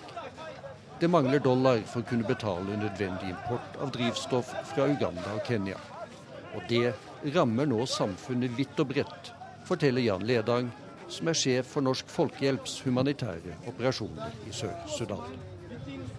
Det er vanskelig å få busser til jobben, for bussene mangler diesel. Eh, prisene er dobla på matvarer på markedet. Ja, på alle måter. Mange av eh, regjeringens eh, ansatte har ikke fått lønn. Eh, det er i det hele tatt et press på de få som nå har lønn, eh, og, og som klarer seg i denne situasjonen. På det største markedet i Juba går ikke forretningene særlig bra lenger. Det meste som selges her, kommer utenfra, fra nabolandene i Øst-Afrika. Enten det dreier seg om mat, klær eller andre forbruksartikler.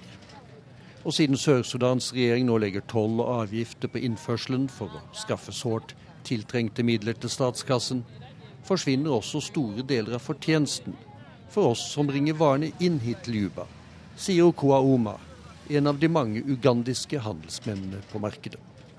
Sisi watu ya biashara taksi iko mingi sana. Biashara yenye tunafanya hakuna faida yake. Det er en økonomi i fritt fall vi er vitne til i Juba. Bare fredsforhandlinger som fører til at Sør-Sudan henter opp oljen igjen og sender den ut på verdensmarkedet i rørledninger gjennom Sudan, kan stanse dette fallet.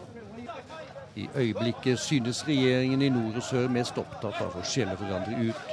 Men det utelukker ikke at kommende fredsforhandlinger kan lykkes, mener FN-sjefen i Sør-Sudan, Hilde Frafjord Jonsson. Utskjellingen er genuin, men den er også rettet mot et hjemlig publikum. Eh, følelsene er veldig sterke. Og det er klart, i det øyeblikket klimaet forsures, så kommer alle gamle agg og aggresjon og frustrasjon og Um, og, og, følelser det kommer opp i dagen, og det er det som uttrykkes. Men Hvor mye skal det vektlegges? Nei, Jeg vil ikke legge stor vekt på det. Uh, vi har lang erfaring for at retorikken går i taket, og så klarer de å finne løsninger likevel. Uh, og dette blåser over. Uh, men, så det er ikke en del av en militær eller politisk strategi som kommer til å føre til at nå blir det krig. Nei, jeg tror ingen av dem egentlig vil det. Men det er min personlige vurdering.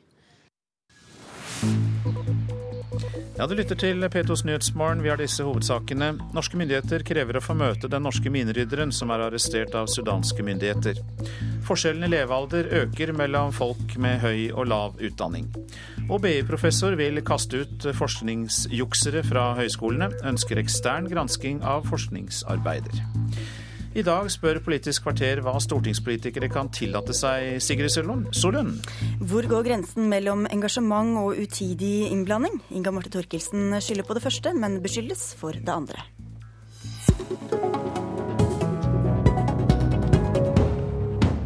Og beskyldningene kommer etter at Dagbladet skrev at den nye barne-, likestillings- og inkluderingsministeren Inga Marte Thorkildsen blandet seg inn i en etterforskningssak mens hun ennå satt på Stortinget i fjor.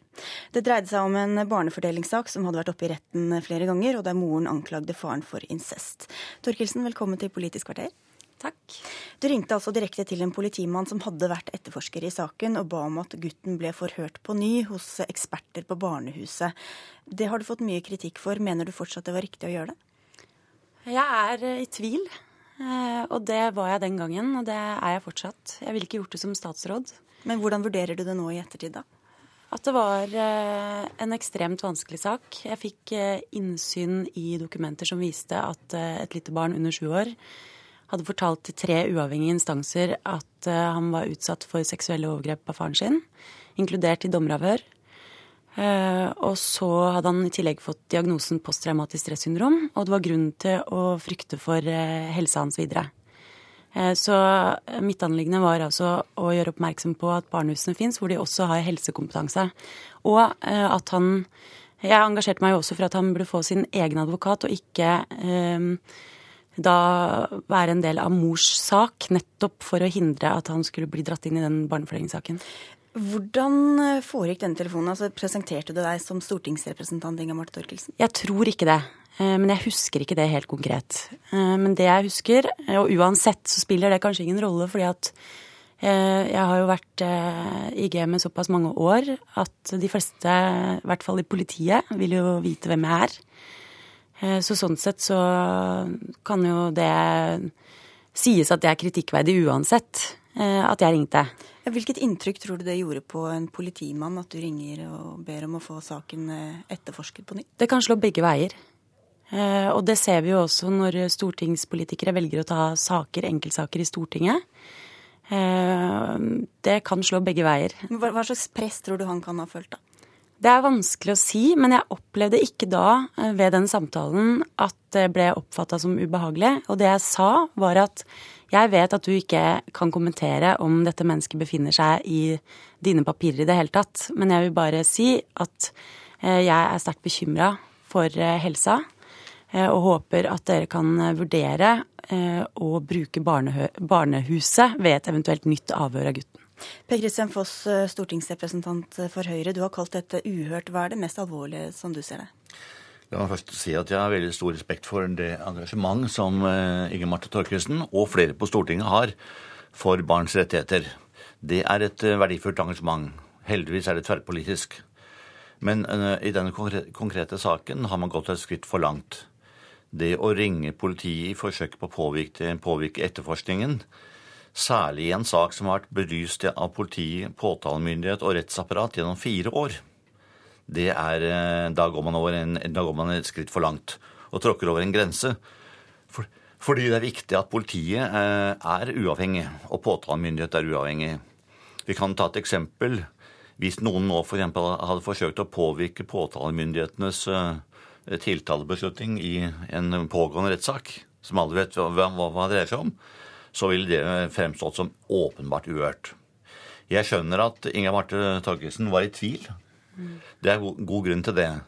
Men det er god grunn til å minne om at uh, påtalemyndigheten skal være uavhengig, og at vår jobb på Stortinget er å være lovgivende myndighet, slik at engasjementet må uh, løpe ut i å forandre lover, forskrifter mm. Eh, osv. Og, og tiltak, men ikke, ikke, selv å blande oss inn i enkeltsaker. Mm. Men Torkelsen, Hvis du først skulle engasjere deg i en enkeltsak, hvorfor valgte du ikke da å gå høyere opp, eh, f.eks. til Riksadvokaten med en, formell, en mer generell henvendelse, og bruke denne saken som et eksempel? Fordi mitt anliggende var ikke å få saken gjenopptatt eller å påvirke utfallet av en straffesak, men hvis de skulle foreta et nytt avhør, at de skulle bruke barnehuset. Fordi der har Men de tverretatlig kompetanse. Var ikke etterforskningen avsluttet?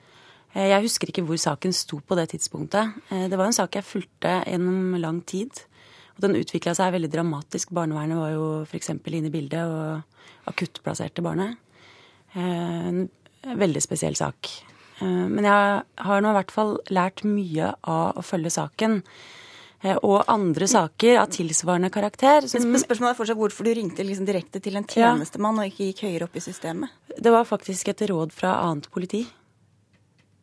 Så det er, litt, det er kinkig. Jeg, og jeg ser det er, eh, det er Jeg syns det er veldig vanskelig. Og i ettertid så, så, ser jeg selvfølgelig det er grunn til å kritisere det. Og jeg respekterer jo at Riksadvokaten er kritisk. Det skulle også bare mangle. For det er viktig å holde armlengdes avstand mellom lovgivende makt og påtalemyndighet, eh, her representert ved politiet. da. Så det forstår jeg godt, men mitt anliggende var altså en sterk bekymring for dette barnets helseutvikling. Og det, til slutt så blei det et samvittighetsspørsmål. og det er Sånn det er hvis du som stortingsrepresentant går inn, velger da å sette deg inn i dokumenter i en enkeltsak, eh, så kan du få informasjon som gjør at du er nødt til å ta et valg om du skal holde deg helt til boka, eller om du noen ganger eh, ser at det er unntak også som rett og slett fordi du må forfølge din egen samvittighet. Det er nok mange på Stortinget som har et samvittighet med uten å gripe inn og gripe til å ringe politiet. Fordi det å ringe en konkret etterforsker er eh, et slags overgrep i seg selv. For da, da representerer jo du makta, myndigheten, autoriteten, og ringer til en vanlig politietterforsker. Og det vil bli oppfattet som et forsøk på å påvirke. Det er det ingen tvil om. Det bekreftes i avisen i dag, både av politiet og påtalemyndighet, at det blir oppfattet som et forsøk på å påvirke. Og hva hvis du hadde påvirket da? Hva hvis denne saken da hadde blitt gjenopptatt uh, eh, pga. din telefon? Ja, da kan det jo hende at uh, gutten hadde blitt ivaretatt helsemessig. Men, uh, Men da hadde du altså grepet direkte inn i en etterforskningssak? Da, nei, de, jeg husker jo ikke hvor saken sto på det tidspunktet. Men det var jo en pågående sak lenge som både alle hadde elementer av straffesak og barnefordelingssak i seg. Men, men, som, eh, men uansett, da. Jeg, jeg, ser at det er uh, ja. kritikkverdig, for Kristian Foss. Jeg forstår det. Mm. Eh, og så vil jeg bare understreke at mitt anliggende var ikke å få saken gjenopptatt, men hvis de skulle gjøre et nytt avhør og bruke barnehuset hvor de også har helsemessig kompetanse. Mm. Men husk på at saken hadde pågått i, i fire år for rettsvesenet gjennom to eh, rettsinstanser, både tingrett og lagmannsrett. Eh, og barnevernet hadde tilrått den løsningen som ble funnet. Men hun, hun ble også beskyldt for å ta en, en, part, en, parts sak. Hadde det vært bedre hvis hun hadde da, når hun først skulle gå inn i det, gå inn og, og møte, møtte begge parter, f.eks.? Nei, jeg syns man skal la rettsvesenet ordne opp, og ikke selv forsøke seg på å spille et, et alternativt uh, rettsvesen. Ja, veldig, veldig kort til det også, fordi at uh, mitt anliggende var altså dette barnet sjøl, ikke mora ikke faren. Jeg mente var uheldig også at eh, gutten var nødt til å bruke eller støtte seg på mors advokat, og nettopp det ble jo brukt også mot eh, ja, som et element i saken eh, at han, det var morens interesser, men det var gutten som hadde uttalt seg om seksuelle overgrep, og det var mitt anliggende. Du sa også fra om denne saken selv til Jens Stoltenberg da du skulle bli statsråd. Ja. Er det andre saker du har informert om, eller burde ha informert om? Nei, det tror jeg ikke. Og jeg informerte om denne fordi jeg eh, var klar over at dette var ville høste kritikk, og at det antagelig kom ut i media også. Eh, fordi at det er eh, viktig å diskutere hva stortingspolitikere skal gjøre og ikke skal gjøre. Men til syvende og sist så må vi også diskutere hvordan vi kan ivareta disse barnas rettssikkerhet bedre. Takk skal dere ha for at dere kom til Politisk kvarter, Inga Marte Orkelsen og Per Christian Foss.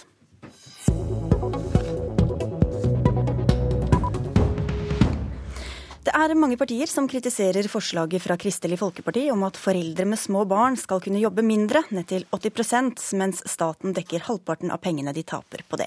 Ingen partier har så langt hyllet forslaget deres, Dagrun Eriksen, nestleder i Kristelig Folkeparti. Hva er det kritikerne ikke forstår? Nei, jeg syns jo folk er veldig raske til å skyte det ned. Det vi har prøvd å finne ut av, det er hva er de største utfordringene for en småbarnsfamilie i dag. Eh, og det vi ser er at det akkurat i småbarnsfasen å ha litt mer slakk, eh, kanskje jobbe noe mindre, ville vært en sånn idé. Det er det mange som gjør i dag, men det vil si at det er de som har god råd og som klarer å få økonomien til å gå rundt.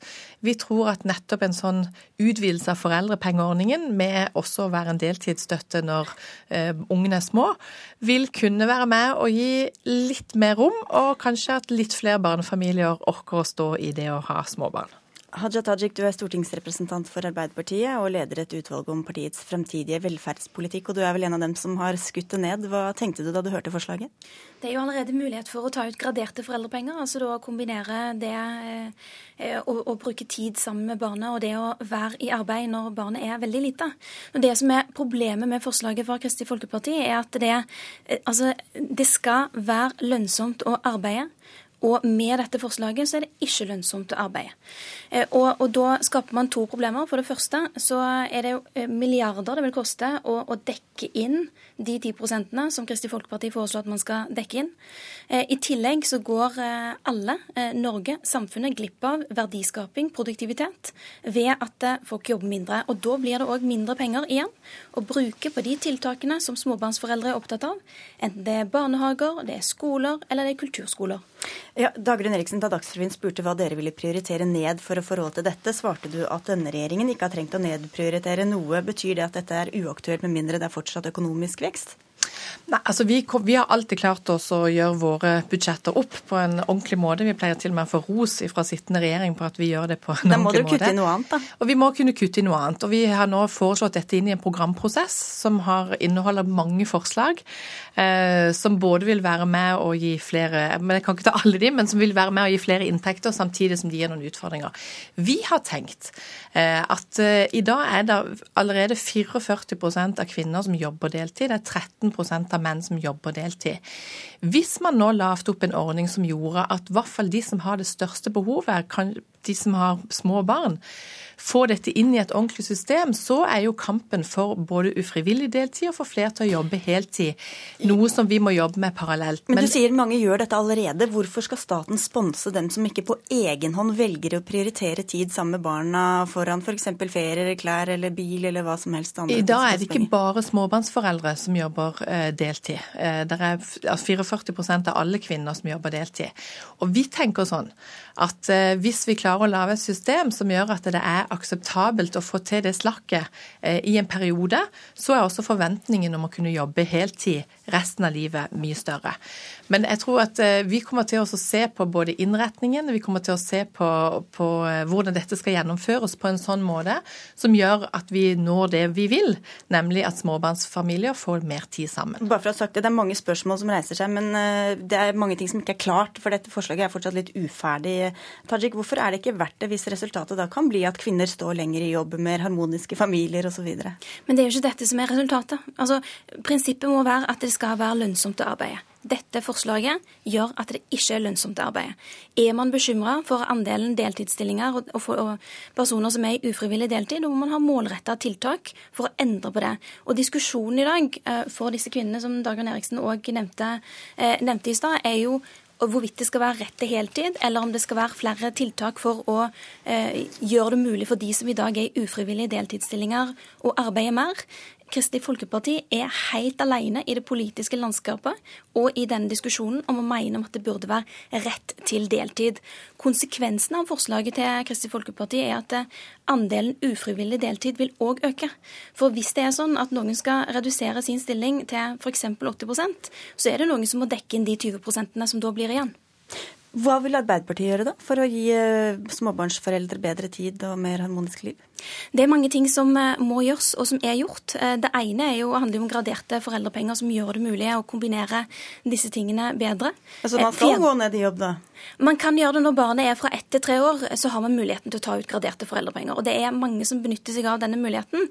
Men det, så, så det, men da, det forslag... det er, da, De syns jo da at det er greit at foreldrene jobber mindre da? For forslaget til Dagrun Eriksen koster, Hvis det er 10 eh, av befolkningen som benytter seg av det, så koster det 1 milliard kroner. Er det flere, så koster det flere milliarder kroner bare å dekke inn eh, de, eh, altså de pengene eh, man går ned i stillingsprosent. I tillegg så taper samfunnet og hver enkelt familie milliarder i verdiskaping. Det vil jeg bare innom til slutt her, altså Dagrun Eriksen. Hvem tror du kommer til å velge å være hjemme da? Kvinner eller menn? Det vil gi en litt større mulighet for menn til å være hjemme, fordi at det blir en lønnsinndekning for det tapet som du har. Og det vil si at eh, hvis det har vært økonomi som har vært avgjørende på hvem som har vært hjemme, så vil det nå gi litt større mulighet for menn til å gjøre det. Ja, Men tror du det? At det er mennene som kommer til å være hjemme? Ja, med den utviklingen vi nå ser på, på økt bruk av fedrekvote, fedre som tar større og større ansvar for hjemmet, så tror jeg at det vil vi kunne se også på dette forslaget, som vi har sett på kontantstøtte etter hvert, selv om det tar lang tid. Er du like optimistisk? Politisk, Tajik? Nei, altså forslaget til Dagrun Eriksen det koster altså Hvis det er tre milliarder kroner det er snakk om, eh, antageligvis koster det mye mer, så tilsvarer det 5000 200 lærerårsverk i grunnskolen. Og jeg vil jo tro at de fleste foreldre er opptatt av at man skal ha gode barnehager og gode skoler. Spørsmålet var likestillingsaspektet. Vi ser jo allerede i dag at selv om Norge er land, altså verdens eh, mest likestilte land, så er eh, veldig mange av de eh, altså Man ser at det til tross for det er sterke kjønnsrollemønstre òg i Norge. Og vi risikerer at dette forslaget vil, vil gjøre det lønnsomt å forsterke de kjønnsrollemønstrene som vi ser i dag. Det, jeg kan skjønne økonomi, at ikke man ønsker å prioritere familie. Det har denne regjeringen vist at ikke de ønsker. Ja, det men, men, jeg tenker også at det som, som jeg syns er veldig rart, er at Når man utvider foreldrepermisjonstida noe, som er det vi gjør, så blir dette plutselig et fryktelig fryktelig ideologisk og vanskelig problem. Vi kommer til å satse på familier, vi kommer til å prioritere forslag som dette, og så får vi se hvordan landsmøtet ender til slutt. Da er vi på overtid. Takk skal dere ha for at dere kom, Dagrun Eriksen og Haja Tajik. Jeg heter Sigrid Solund.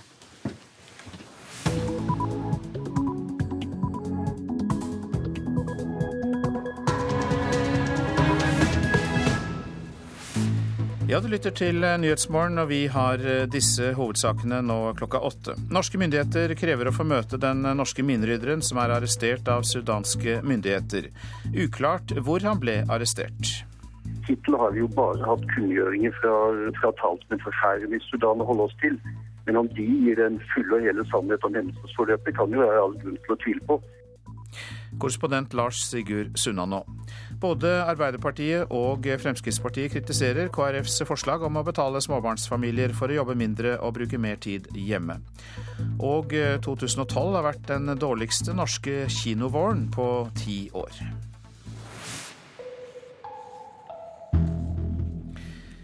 Det er gått litt over et døgn siden minerydderen John Sørbø kom til Khartoum etter å ha blitt arrestert på grensen til Sør-Sudan. I dag møtes norske og sudanske myndigheter, men eh, ingen har eh, ennå fått kontakt med Sørbø. Problemet er jo at vi vet lite. Det er ingen som har fått kontakt med Sørbø og de tre andre ennå. Og det gjør oss dypt bekymret, selvfølgelig. Vi forlanger at, få, at vi skal få kontakt med dem, og selvfølgelig at Sørbø blir løslatt sammen med de tre andre.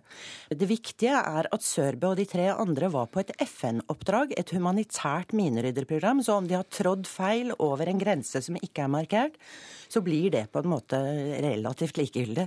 De var på et humanitært minerydderoppdrag. Generalsekretær i Norsk Folkehjelp, Liv Tørres. Både Arbeiderpartiet og Fremskrittspartiet mener Kristelig Folkeparti prioriterer feil når de nå ønsker å betale småbarnsfamilier for å jobbe mindre. Med en prislapp på flere milliarder kroner foreslår KrF å betale norske småbarnsforeldre ut av tidsklemma. En dårlig idé, mener altså både Arbeiderparti mener Arbeiderpartiets Hadia Tajik. Det skal lønne seg å jobbe, og hovedproblemet med forslaget fra Kristelig Folkeparti er at det ikke lønner seg å jobbe, snarere tvert imot. I KrFs nye forslag vil partiet la mor eller far gå ned i en 80% stilling før barnet er fylt seks år. Halvparten av den tapte inntekten skal staten stå for. Dermed kan småbarnsfamilier få opptil 5700 kroner av staten i måneden for å jobbe mindre. Dette er feil medisin for den enkelte familie, og da er det òg feil medisin for samfunnet som helhet. Det vi trenger er å bruke pengene på de tiltakene som er viktige for småbarnsfamilier, som barnehager, skoler, kulturskoler og andre ting. Reporter her, eh, Kent Ammar Eriksen. Forskjellen i levealder øker mellom folk med høyere utdanning og folk med lavere utdanning. Det viser tall fra Folkehelseinstituttet. De siste 50 årene har den generelle levealderen blitt høyere i hele befolkningen, men de med lang utdanning drar stadig ifra. Forskning tyder på at det delvis kan være pga. Helseatferd, deriblant røykevaner. Det sier Olaug Steingrimsdottir ved Folkehelseinstituttet. Hun tror informasjon om helsetiltak ikke alltid når ut til alle samfunnslag, og at én mulighet kan være at det offentlige griper inn. Det som eh, man ser er at det er kanskje ikke nok med individuelle tiltak, men at eh, man må gå inn i dette med strukturelle tiltak. Reporter her, det var eh, Iver Kleiven. Det er bra at regjeringen vil doble innsatsen for sykling, men det er uforståelig at de må vente i mange år med å gjøre det. Det sier generalsekretær Rune Jøs i Syklistenes Landsforening. I klimameldingen så heter det jo at innsatsen skal dobles, men først etter 2017. Hvis man skal få økt sykkelandel i Norge, få nådd de klimapolitiske målene, så kan man ikke vente fem år med å begynne å satse på sykkel. Og vi i SLF mener jo også at det burde vært en egen sykkelmilliard. Man må opp på en milliard kroner for at det skal være en skikkelig utbygging av sykkelveinettet i byer og tettsteder. En slags eldremilliard, men en Ja, en sykkelmilliard. Og det her er ikke en milliard som bare er for noen få. Dette er egentlig en milliard som vil gjelde folk flest. Altså, Folk flest vil jo sykle, og det må tilrettelegges for det. I dag må de første 50 av om lag 90 ansatte ved Domsteins filetfabrikk i Måløy i Sogn og Fjordane slutte i jobben. Fiskerigiganten, som for få år siden sysselsatte over 300 arbeidere i Måløy, stanser sin norske produksjon.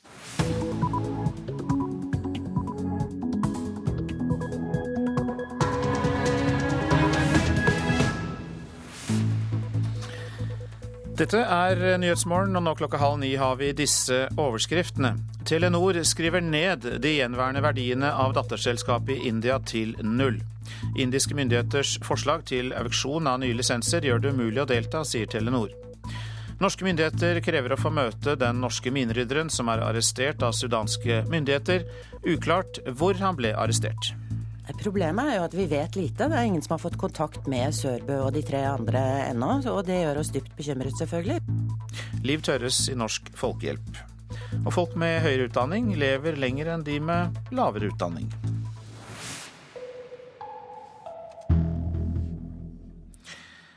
Først om eh, den eh, norske minerydderen Jon Sørbø som eh, ankom Khartoum etter å ha blitt arrestert på grensa til Sør-Sudan.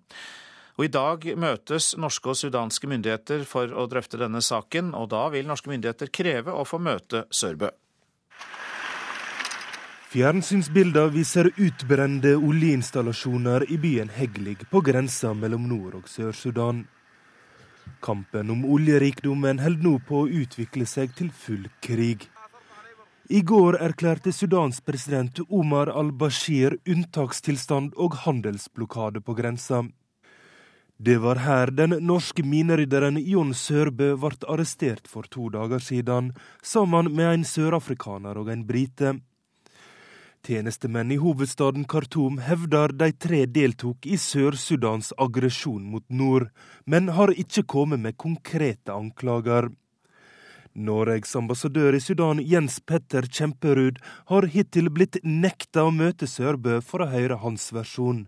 Eh, vi eh, hadde håpet at det skulle skje i dag. Eh, nå håper vi at det vil kunne skje etter at vi har hatt møte med Utenriksdepartementet i morgen formiddag. I dag vil han møte høytstående tjenestemenn for å kreve å få møte Sørbø. Pressetalsmannen i UD, Frode Andersen, sier det er svært alvorlig om ambassadøren ikke får møte Sørbø. Ja, vi ser alvorlig på det at eh, vi ikke får den tilgangen til. Det er en tilgang vi skal ha, har krav på etter folkeretten. Og vi har gitt klar tilbakemelding på at vi ønsker den, eh, å møte han så fort som mulig. Da Sør-Sudan feira si uavhengighet i fjor sommer, var det etter flere tiår med krig mot overherredømmet i nord. Under seremonien takka Sør-Sudans president Salva Kiir Norsk Folkehjelp spesielt. Og det at Sørbø arbeider for Norsk Folkehjelp, kan gjøre forhandlingene om løslating vanskeligere, spesielt når situasjonen nå er så tilspissa mellom nord og sør, forteller professor Anders Breilid ved Høgskolen i Oslo. Forholdet mellom Norsk Folkehjelp og Khartoum har vært, var under krigen, eh, og er fremdeles eh, spent. Så det er eh, ikke utenkelig at regjeringen i Khartoum vil kunne bruke hans eh, nære forbindelse med Folkehjelpa for det, for det det er verdt. Sørbø og de andre pågrepne var ifølge Folkehjelpen i ferd med å kvalitetssikre et mineryddingsprosjekt i det urolige grenseområdet da de ble pågrepne. Per Nergård i Norsk Folkehjelp sier likevel at arrestasjonen ikke vil påvirke måten organisasjonen arbeider på i Sør-Sudan. Vi ser ingen grunn til å gjøre noen endringer i måten vi opererer på i Sør-Sudan foreløpig, men vi vil måtte evaluere eh, hva eh, våre folk gjorde i området. Vi vet hva de gjorde, men hvor de har befunnet seg, om de har, har beveget seg på feil område, eller om de har eh, forholdt seg til sikkerhetsinstruksen på en ordentlig måte. Men det er ingen grunn til å endre det. Reporter her, det var Roger Severin Bruland. Norsk eh, Folkehjelps minnerydder Jon Sørbø hadde et FN-mandat eh, for den jobben han gjorde da han ble arrestert, sier generalsekretær Liv Tørres. Hun innrømmer likevel at Norsk Folkehjelp ikke er en populær hjelpeorganisasjon hos myndighetene i Sudan, etter at de støttet frigjøringsbevegelsen i sør. Vi er bevisst at vi ikke er en populær organisasjon i Khartoum. Det viktige her å understreke er at Sørbø sammen med de tre andre var på et humanitært mineryddingsoppdrag i nordlige delen av Sør-Sudan. Og som del av et, større, et større FN-program. Men hvorfor var de så nær eh, grenseområdet? Ja, Nå gjenstår det å se da hvor nære grenseområdet de faktisk var. Derom så hersker det veldig mange ulike historier om hvorvidt de faktisk var på Sør-Sudans side, som eh, mange vitnesbyrd tyder på, eller om de var på Sudans side, som Khartoum hevder. Men eh, det er nå engang sånn at eh, når man driver med humanitært mineryddingsarbeid, så, så må man jobbe der hvor minnene er. Liv Tørres til eh, Silje Sande. Telenor skriver ned de gjenværende verdiene av virksomheten i India. Nedskrivningen er på 3,9 milliarder kroner, og i en eh, børsmelding så skriver Telenor at det ikke lenger har noen verdier i India. Pressetalsmann eh, i Telenor, eh, Tor Odland, betyr det at dere anser investeringene i India som tapt? Altså, Vi skriver ned verdiene fordi det i øyeblikket ligger et auksjonsforslag på bordet som vi ikke kan forsvare å være med på. Men det er jo da auksjoneringen av de lisensene dere tidligere hadde og som dere ble fratatt. Hva er det som er uakseptabelt i den nye auksjonen? Det er flere ting vi er skeptiske til. Prisen er høy. Størrelsen på Spektrum er begrenset. Hva betyr det? Hva betyr det? Det betyr at de aksjonerer eh, veldig begrensede blokker med Spektrum i hvert område. I tillegg så er det et, et åpent auksjonsformat som gjør at alle kan delta. Ja, eh, men eh, det betyr at dere ikke kommer til å delta i denne auksjonen? Vi får nå se hva myndighetene bestemmer seg for. Det som ligger på bordet nå er et forslag fra regulatøren som, som myndighetene skal ta stilling til. Næringsminister Trond Giske, du er jo også med oss eh, i studio her. Og du har engasjert deg i denne saken. Hvordan vurderer du nå Telenors investeringer i India?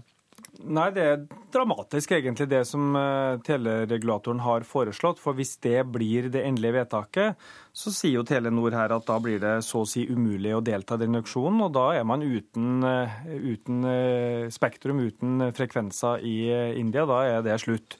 Men det er jo nå den politiske prosessen begynner. for dette er på en måte embetsverket, byråkratiets eh, forslag. Men har ikke du vært der og begynt den politiske prosessen allerede, så vidt jeg husker? Jo, vi var der og hadde møte med dem som nå har fått saken på sitt bord, nemlig regjeringa. Eh, for dette er da forslaget fra skal vi si, Indias teletilsyn, da, for å gjenkjenne det i Norge.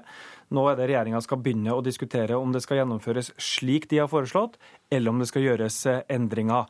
Det er en krevende prosess, for det er enorm medieoppmerksomhet og politisk trykk rundt denne saken.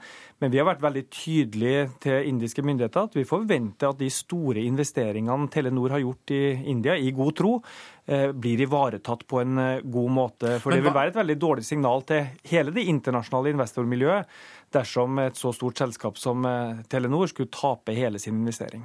Men hva har du sagt og vil si til indiske myndigheter? Hva konkret er ditt krav, ønske? Ja, Vårt budskap er jo at en auksjon som er åpen for alle, dvs. Si at de store gigantene i indisk telemarked kan delta, de vil i realiteten være lukka for de små. Eh, og vi sier at eh, ikke bare for Telenors investering, men også for indiske indiske telekunder, telefonkunder, er det viktig med mange aktører. Konkurransen gjør at prisene blir lavere. Dersom de store får kjøpt opp enda mer spektrum, så risikerer man at det er kundene da, som sitter igjen med regninga. Så det er en fordel også i India, som vi gjør i Norge og mange andre land, og av og til sørge for at det blir bredde i konkurransen, og at de små aktørene får anledning til å delta. Eh, Tor Odland i Telenor, eh, når det er så vanskelig som det ser ut til at eh, man ønsker å gjennomføre denne auksjonen, er det slik at dere nå kaster kortene? På ingen måte. Vi har håp. Det vi gjør i dag er regnskapsteknisk på mange måter, men også et signal til indiske myndigheter om at det de har lagt på bordet nå er for strengt, og at de må, må lempe på de kravene. Men eh, bakgrunnen for denne saken, Tor Odland, var for å ta det i to minutter, så har jo også det sammenheng med at eh, noe gikk feil, at det var korrupsjon knyttet til eh, de opprinnelige lisensene da de ble tildelt? Denne korrupsjonen er da ikke, ikke påvist, men klart at indiske myndigheter ønsker å rydde opp i, i noe fra fortiden. Og det har da Telenor blitt skadelidende for. Men du forstår den opprydningen, behovet for den? Det, det forstår vi at, eh, at, indiske myndigheter eh, trenger å gjøre noe med. Men eh, som sagt, Telenor blir meget skadelidende av den prosessen. Drar du til India en gang til, Giske? Ja, Hvis Telenor og ambassaden vår i India mener at det er hensiktsmessig å ha nye møter med indiske myndigheter, så gjør vi det. Dette er jo en enorm investering. altså Vi snakker om en 16-17 milliarder kroner. Eh, og det er jo ikke Telenor som er dømt i noen som helst eh, slags rett. Det er Høyesterett som har sagt at den måten myndighetene delte ut lisensene på, i 2008, var feil. Nå var det samme måten som alle de andre lisensene var delt ut på i mange år før det, så vi mener jo at dette ikke bare Eh, rammer Telenor urettmessig, men det rammer også urettferdig mot de andre selskapene som har fått lisenser på samme måte. Så får Høyesterett og regjeringa diskutere seg imellom om både hvem som bestemmer hvordan tildelingene foregår og hvilken måte det skal skje på. Men de investeringene Telenor har lagt inn i India for å bygge viktig infrastruktur, bidra til indisk økonomi, de mener vi bør ivaretas på en god måte. Så dette er gammel korrupsjon, gammel uakseptabel praksis i India som Telenor nå lider under? Ja, ikke sant. Det, det indiske myndigheter gjorde, det var at istedenfor å ha en auksjon den gangen, så sa de at uh, først til mølla får lisenser basert på noen minimumskrav. Vi har jo også mange sammenhenger skal vi si, såkalt skjønnhetskonkurranse til fast pris istedenfor auksjon når vi deler ut eh, rettigheter. Så dette er jo ikke unormalt i noen land. Men så sier da indisk eh, høyesterett i ettertid at det var en feil måte å gjøre det på. Man burde brukt eh, auksjonsprinsippet og fått inn mer penger. Telenor sier at de er villige til å betale mer for disse lisensene enn de gjorde eh, den gangen de overtok eh, det indiske, indiske selskapet som hadde fått eh, lisensene, men ikke så mye at hele prosjektet blir ulønnsomt. Da vinner de store, og da taper Telenor, men da taper også indiske telefonkunder. Hjertelig takk for at dere var med oss, Trond Giske, næringsminister, og til deg, prestetalsmann i Telenor, Tor Odland. Vi kan konstatere at dere skriver ned de gjenværende verdiene, men gir ikke opp ennå, så dramaet fortsetter. Takk skal dere ha. I dag blir de første 50 av om lag 90 ansatte ved Domsteins filetfabrikk i Måløy i Sogn og Fjordane satt på porten. Fiskerigiganten sysselsatte over 300 arbeidere i Måløy, men stanser produksjonen i Norge i dag. Reporter Harald Kolseth, ja, hvordan er stemningen i Måløy? Ifølge ordføreren så er den dårlig på en vakker dag på kysten av Sogn og Fjordane. Og eh, vi står på anlegget på Trollebø rett overfor eh, Måløy sentrum. Her er Fyste nå slutta av eh, arbeidet sitt her i dag. Og Rolf Domstein, administrerende direktør i Domstein, hvordan opplever du situasjonen? Jeg syns det er veldig trist at vi må si opp så mye folk. Eh, det er trist at vi må legge ned eh, hvitfiskfiletproduksjonen. Eh, og jeg skulle gjerne sett at vi klarte å komme opp med nye aktiviteter som gjorde at vi slapp å si opp folk, men vi, vi er kommet dit hen at vi ikke har mulighet til det. Ja, Hvorfor måtte det slutte av her? Fordi denne produksjonen har vært ulønnsom i flere år. Og vi har gjort forskjellige forsøk på å eh, snu utviklinga, men vi har ikke lykkes med det. Og det sier du, selv om dette skulle være det mest moderne fiskeindustrifiletanlegget i landet? Ja, det er det også. Eh, en stor del av denne bedriften den er brukt til sild og makrell. Eh, det er Nove Pelagic som driver. Og der er jo fortsatt full aktivitet. Eh, det som er blitt gradvis dårligere eller mindre lønnsomt de siste årene, det er produksjon av hvitfiskfilet. Og det er det vi delvis må legge ned, og delvis flytte til utlandet. Men det flagger altså ut nå? Ja, det gjør vi. Og eh, for å eh, være konkurransedyktige og være i stand til å selge produktene våre, eh, så må vi legge produksjonen i land hvor produksjonskostnadene er lavere. Dette er en veldig arbeidsintensiv produksjon, og lønnskostnadene i Norge blir for høye for oss. Ragnhild Holm i Nav, hvor mange av de som mister jobben, får seg nå nytt arbeid? Det er jo vanskelig å si akkurat nå. Det vi vet er at vi har et apparat som kan eh, bistå eh, den enkelte til å være arbeidssøker. Eh, vi har oppfordra arbeidsgivere til å melde ledige stillinger til oss, slik at vi kan formidle de videre til de som nå blir arbeidsledige. Men det har vært et problem at ikke alle har meldt seg ledige? Det har vært en viss Det er nok mange som har venta litt med det. Nå I den siste tida så er det ganske mange som har registrert seg, vi har god tro på det at det vil komme nå etter hvert. Slik er altså situasjonen i Vågsøy i Sogn og Fjordane. Der de første 50 ved eh, Domstein sin filetfabrikk eh, mister arbeidet ifra i dag av. Takk til deg, reporter Harald Kolseth i eh, Måløy. Inga Marte Torkelsen er ikke sikker på om det var riktig av henne å ringe direkte til en politimann mens hun var stortingsrepresentant i fjor. Det gjaldt en barnefordelingssak med anklager om incest, og Torkelsen ba politimannen om at gutten i saken ble avhørt på et barnehus av eksperter. Hun har fått mye kritikk for utidig innblanding, og hun er eh, usikker på om hun burde tatt den telefonen. Jeg er eh, i tvil, eh, og det var jeg den gangen, og det er jeg fortsatt. Jeg ville ikke gjort det som statsråd.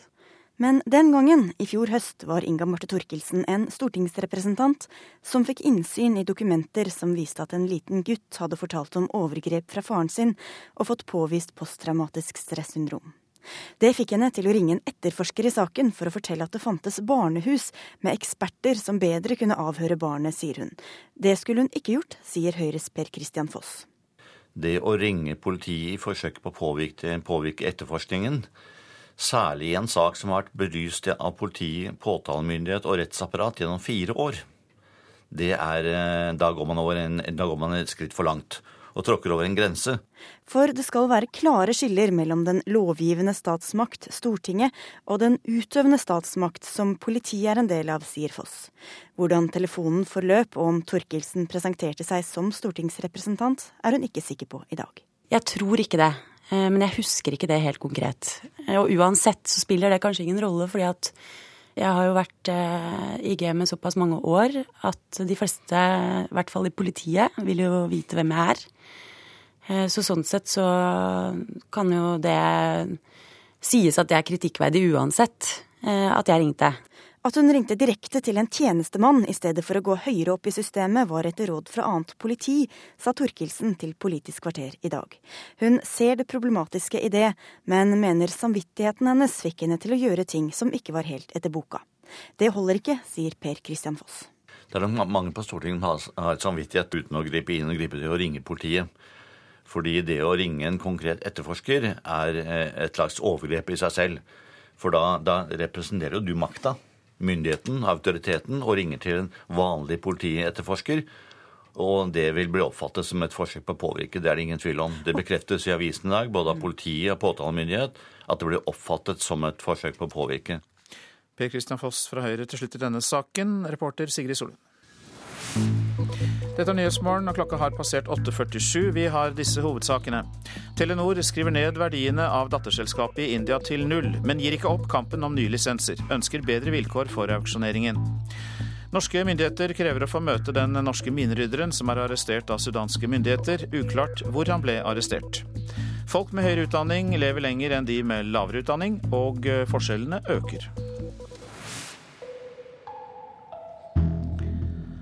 Opposisjonslederen i Myanmar, Aung San Suu Kyi, sier hun vil avlegge eden i landets nasjonalforsamling så snart som mulig. Forrige mandag boikottet opposisjons opposisjonspartiet åpningen av parlamentet fordi de nektet å sverge at de skulle verne om grunnloven. Et forslag om å endre teksten om å respektere grunnloven ble ikke tatt til følge av president Tein Sein. I dag sier Suu Kyi at hun likevel vil avlegge eden slik den er. Det politiske Tyskland har i helgen rettet blikket mot et parti som for kort tid siden ble latterliggjort og spådd en kort levetid. Piratpartiet har nå en oppsiktsvekkende framgang på meningsmålingene, og kan bli landets tredje største parti ved valget neste år. I helgen holder partiet sitt landsmøte. En politisk uerfaren 40-åring fra Hamburg er valgt til ny leder for Piratpartiet. Helgens avstemning på landsmøtet i nordtyske Neumünster gjør ham til en av Tysklands viktigste politikere.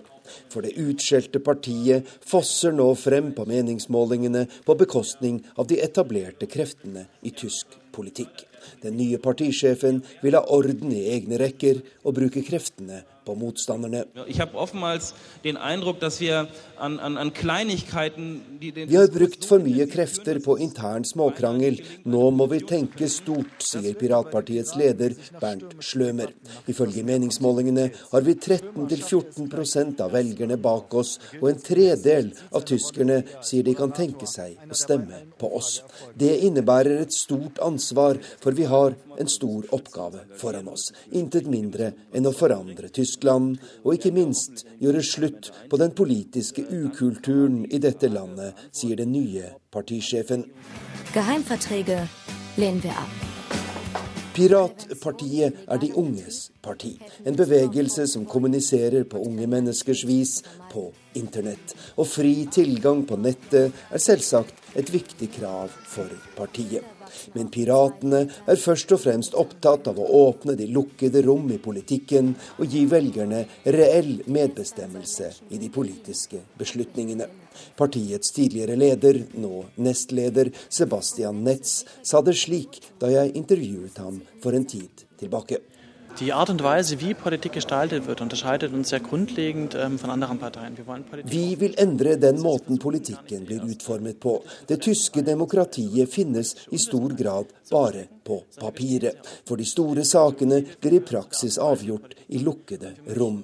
Vi vil ha innsyn og åpenhet, slik vi praktiserer i vårt eget parti, der grasrota trekkes inn i debattene og deltar i alle viktige avstemninger over internett, sier han. De politiske sjørøverne i piratpartiet skaker opp det etablerte Tyskland.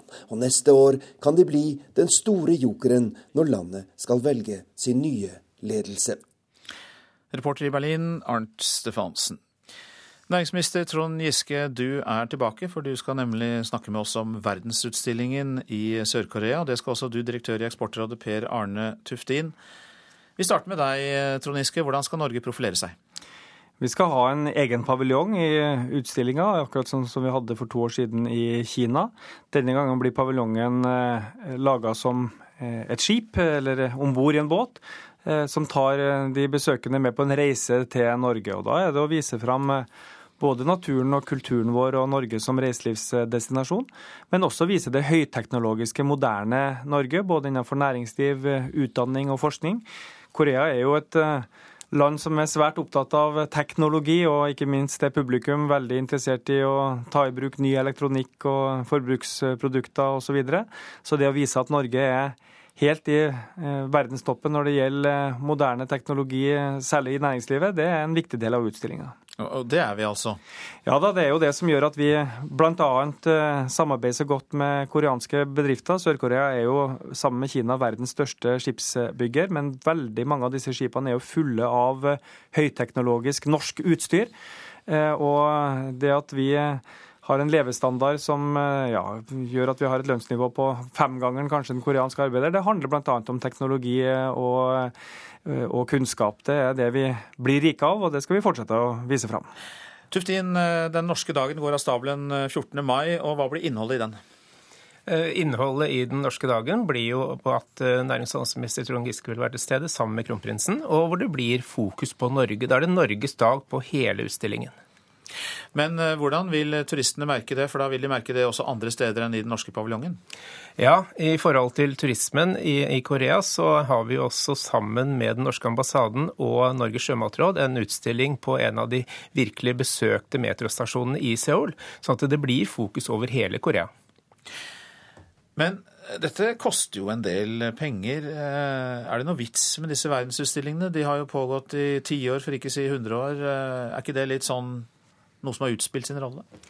Nei, det har tydeligvis ikke det, for eh, de fleste land er med, og det gir mye fokus. Og da vi så, når verdensutstillingen var i Shanghai i 2010, så var det veldig mye fokus. Det var vel en 80 80 millioner mennesker som var totalt sett og besøkte altså utstillingen, og over 3 millioner besøkte den norske paviljongen. Så dette gir fokus, dette gir payback, og dette viser Norge som en moderne nasjon i den store sammenhengen. Men er det, er det folk flest i disse landene som går på verdensutstillingen, eller er det fagfolk som kommer dit for å skaffe seg inspirasjon? Det er egentlig alt eh, som finnes av befolkning, fra skoleklasser og opp til de som er der for virkelig å gjøre butikk. Nå skal vi ha verdensutstilling, eh, Trond Giske. Vi ber om OL hele tida, men jeg har ikke hørt noe om verdensutstilling? Nei da, og da Shanghai hadde verdensutstilling, så var jo det på en måte Shanghais eh, mulighet til å og bli gjenbydig med Beijing, som da nettopp hadde gjennomført et veldig vellykka sommer-OL. Så de brukte jo enorme ressurser. Bare for å beskrive så var det jo tre millioner besøkende bare på Norges paviljong, så dette var gigantisk.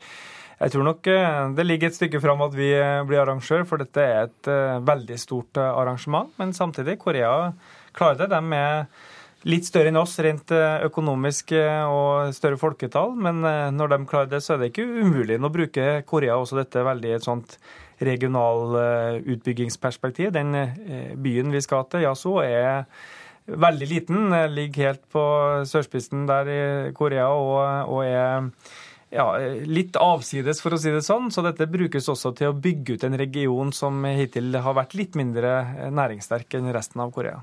Da sier jeg god tur til næringsminister Trond Giske og direktør i Eksportrådet Per Arne Tuftin. Takk skal dere ha. Nå skal vi høre at folk med høyere utdanning lever lenger enn andre, og forskjellene øker. Det viser tall fra Folkehelseinstituttet. De siste 50 årene har forventet levealder i Norge økt, det vet vi jo, men forskjellene mellom de med og uten utdanning blir større og større. Erik Nord er en av dem som nyter godt av utdanningen sin i alderdommen. Altså, jeg leser jo Spiegel, New York Review of Books, Le Monde Diplomatique, og så leser jeg mye bøker. Snart 94 år gammel, men han holder seg oppdatert.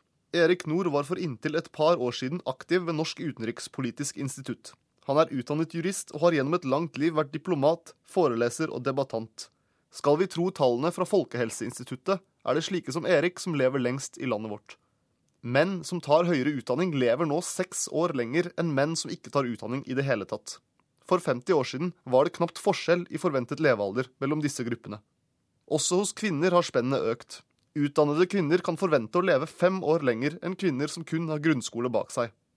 Nå vil Folkehelseinstituttet jobbe videre med tallene for å finne ut hvorfor det er slik. Det vet vi ikke helt, men eh, det forskning tyder på at det delvis kan være pga. Eh, helseatferd, og deriblant eh, røykevaner. Det sier Olaug Steingrimsdottir ved Folkehelseinstituttet. Hun tror informasjon om helsetiltak og lignende ikke alltid når ut til alle samfunnslag og at én mulighet kan være at det offentlige griper inn. Det som eh, man ser er at det er kanskje, kanskje ikke nok med individuelle tiltak, men at eh, man må gå inn i dette med strukturelle tiltak, som da berører eh, befolkningen på en annen måte. Men Erik Nord tror ikke nødvendigvis det å leve sunt er det viktigste. Han har en annen teori. Det er veldig enkelt. Sørg for at du kan få jobb som du trives i. Ikke vær så opptatt av hvor mye du tjener. Det viktigste i livet det er å få en jobb du trives med, som du gleder deg til stort sett. da. Hvis du skal grue deg til å gå på jobben hver dag, så er det et mareritt. Den tar vi med oss eh, utover dagen fra Erik Nord, reporter Iver Kleiven. Så noen ord om eh, været i Norge i dag. Fjell i Sør-Norge først på dagen skyet, muligheter for litt snø i vest. I Langfjella, men seinere pent vær. Østlandet, Telemark og Agder får oppholdsvær, etter hvert oppklarning og pent. Rogaland skyet, utpå dagen til dels pent vær også der. Hordaland og Sogn og Fjordane får etter hvert stort sett pent vær. I kveld kan det bli perioder med liten kuling. Møre og Romsdal tilskyende, i nord forbigående litt regn, men for øvrig opphold. Trøndelag sørvest stiv kuling og som etter hvert minker utover dagen. Det blir litt regn i Trøndelag. Fra ettermiddag enkelte regnbyger og snø over 500-700 meter. Nordland sørvestlig stiv kuling utsatte steder. I Vesterålen av og til sterk kuling. Og det blir regn i Nordland. Fra i ettermiddag nordvest stiv kuling, sludd og snø.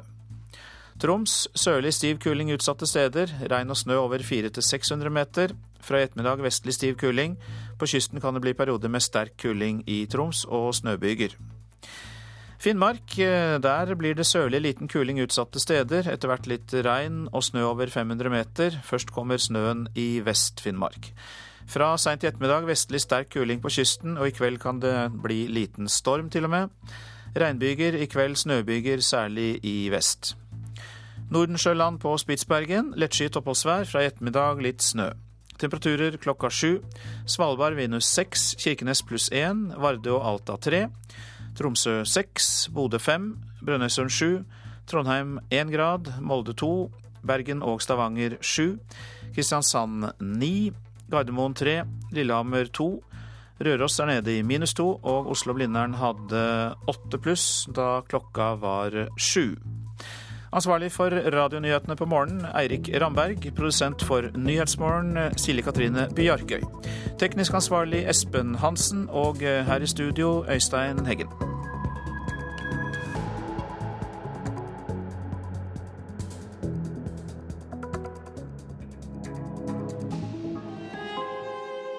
Hør ekko. Når et menneske ikke orker å leve, men ikke vil dø, hva da? Hvorfor er det så mange som aldri finner bruksanvisningen på det gode liv? Finnes denne oppskriften? Hør Ekko rett etter Dagsnytt. Ekko 9 11 i NRK P2.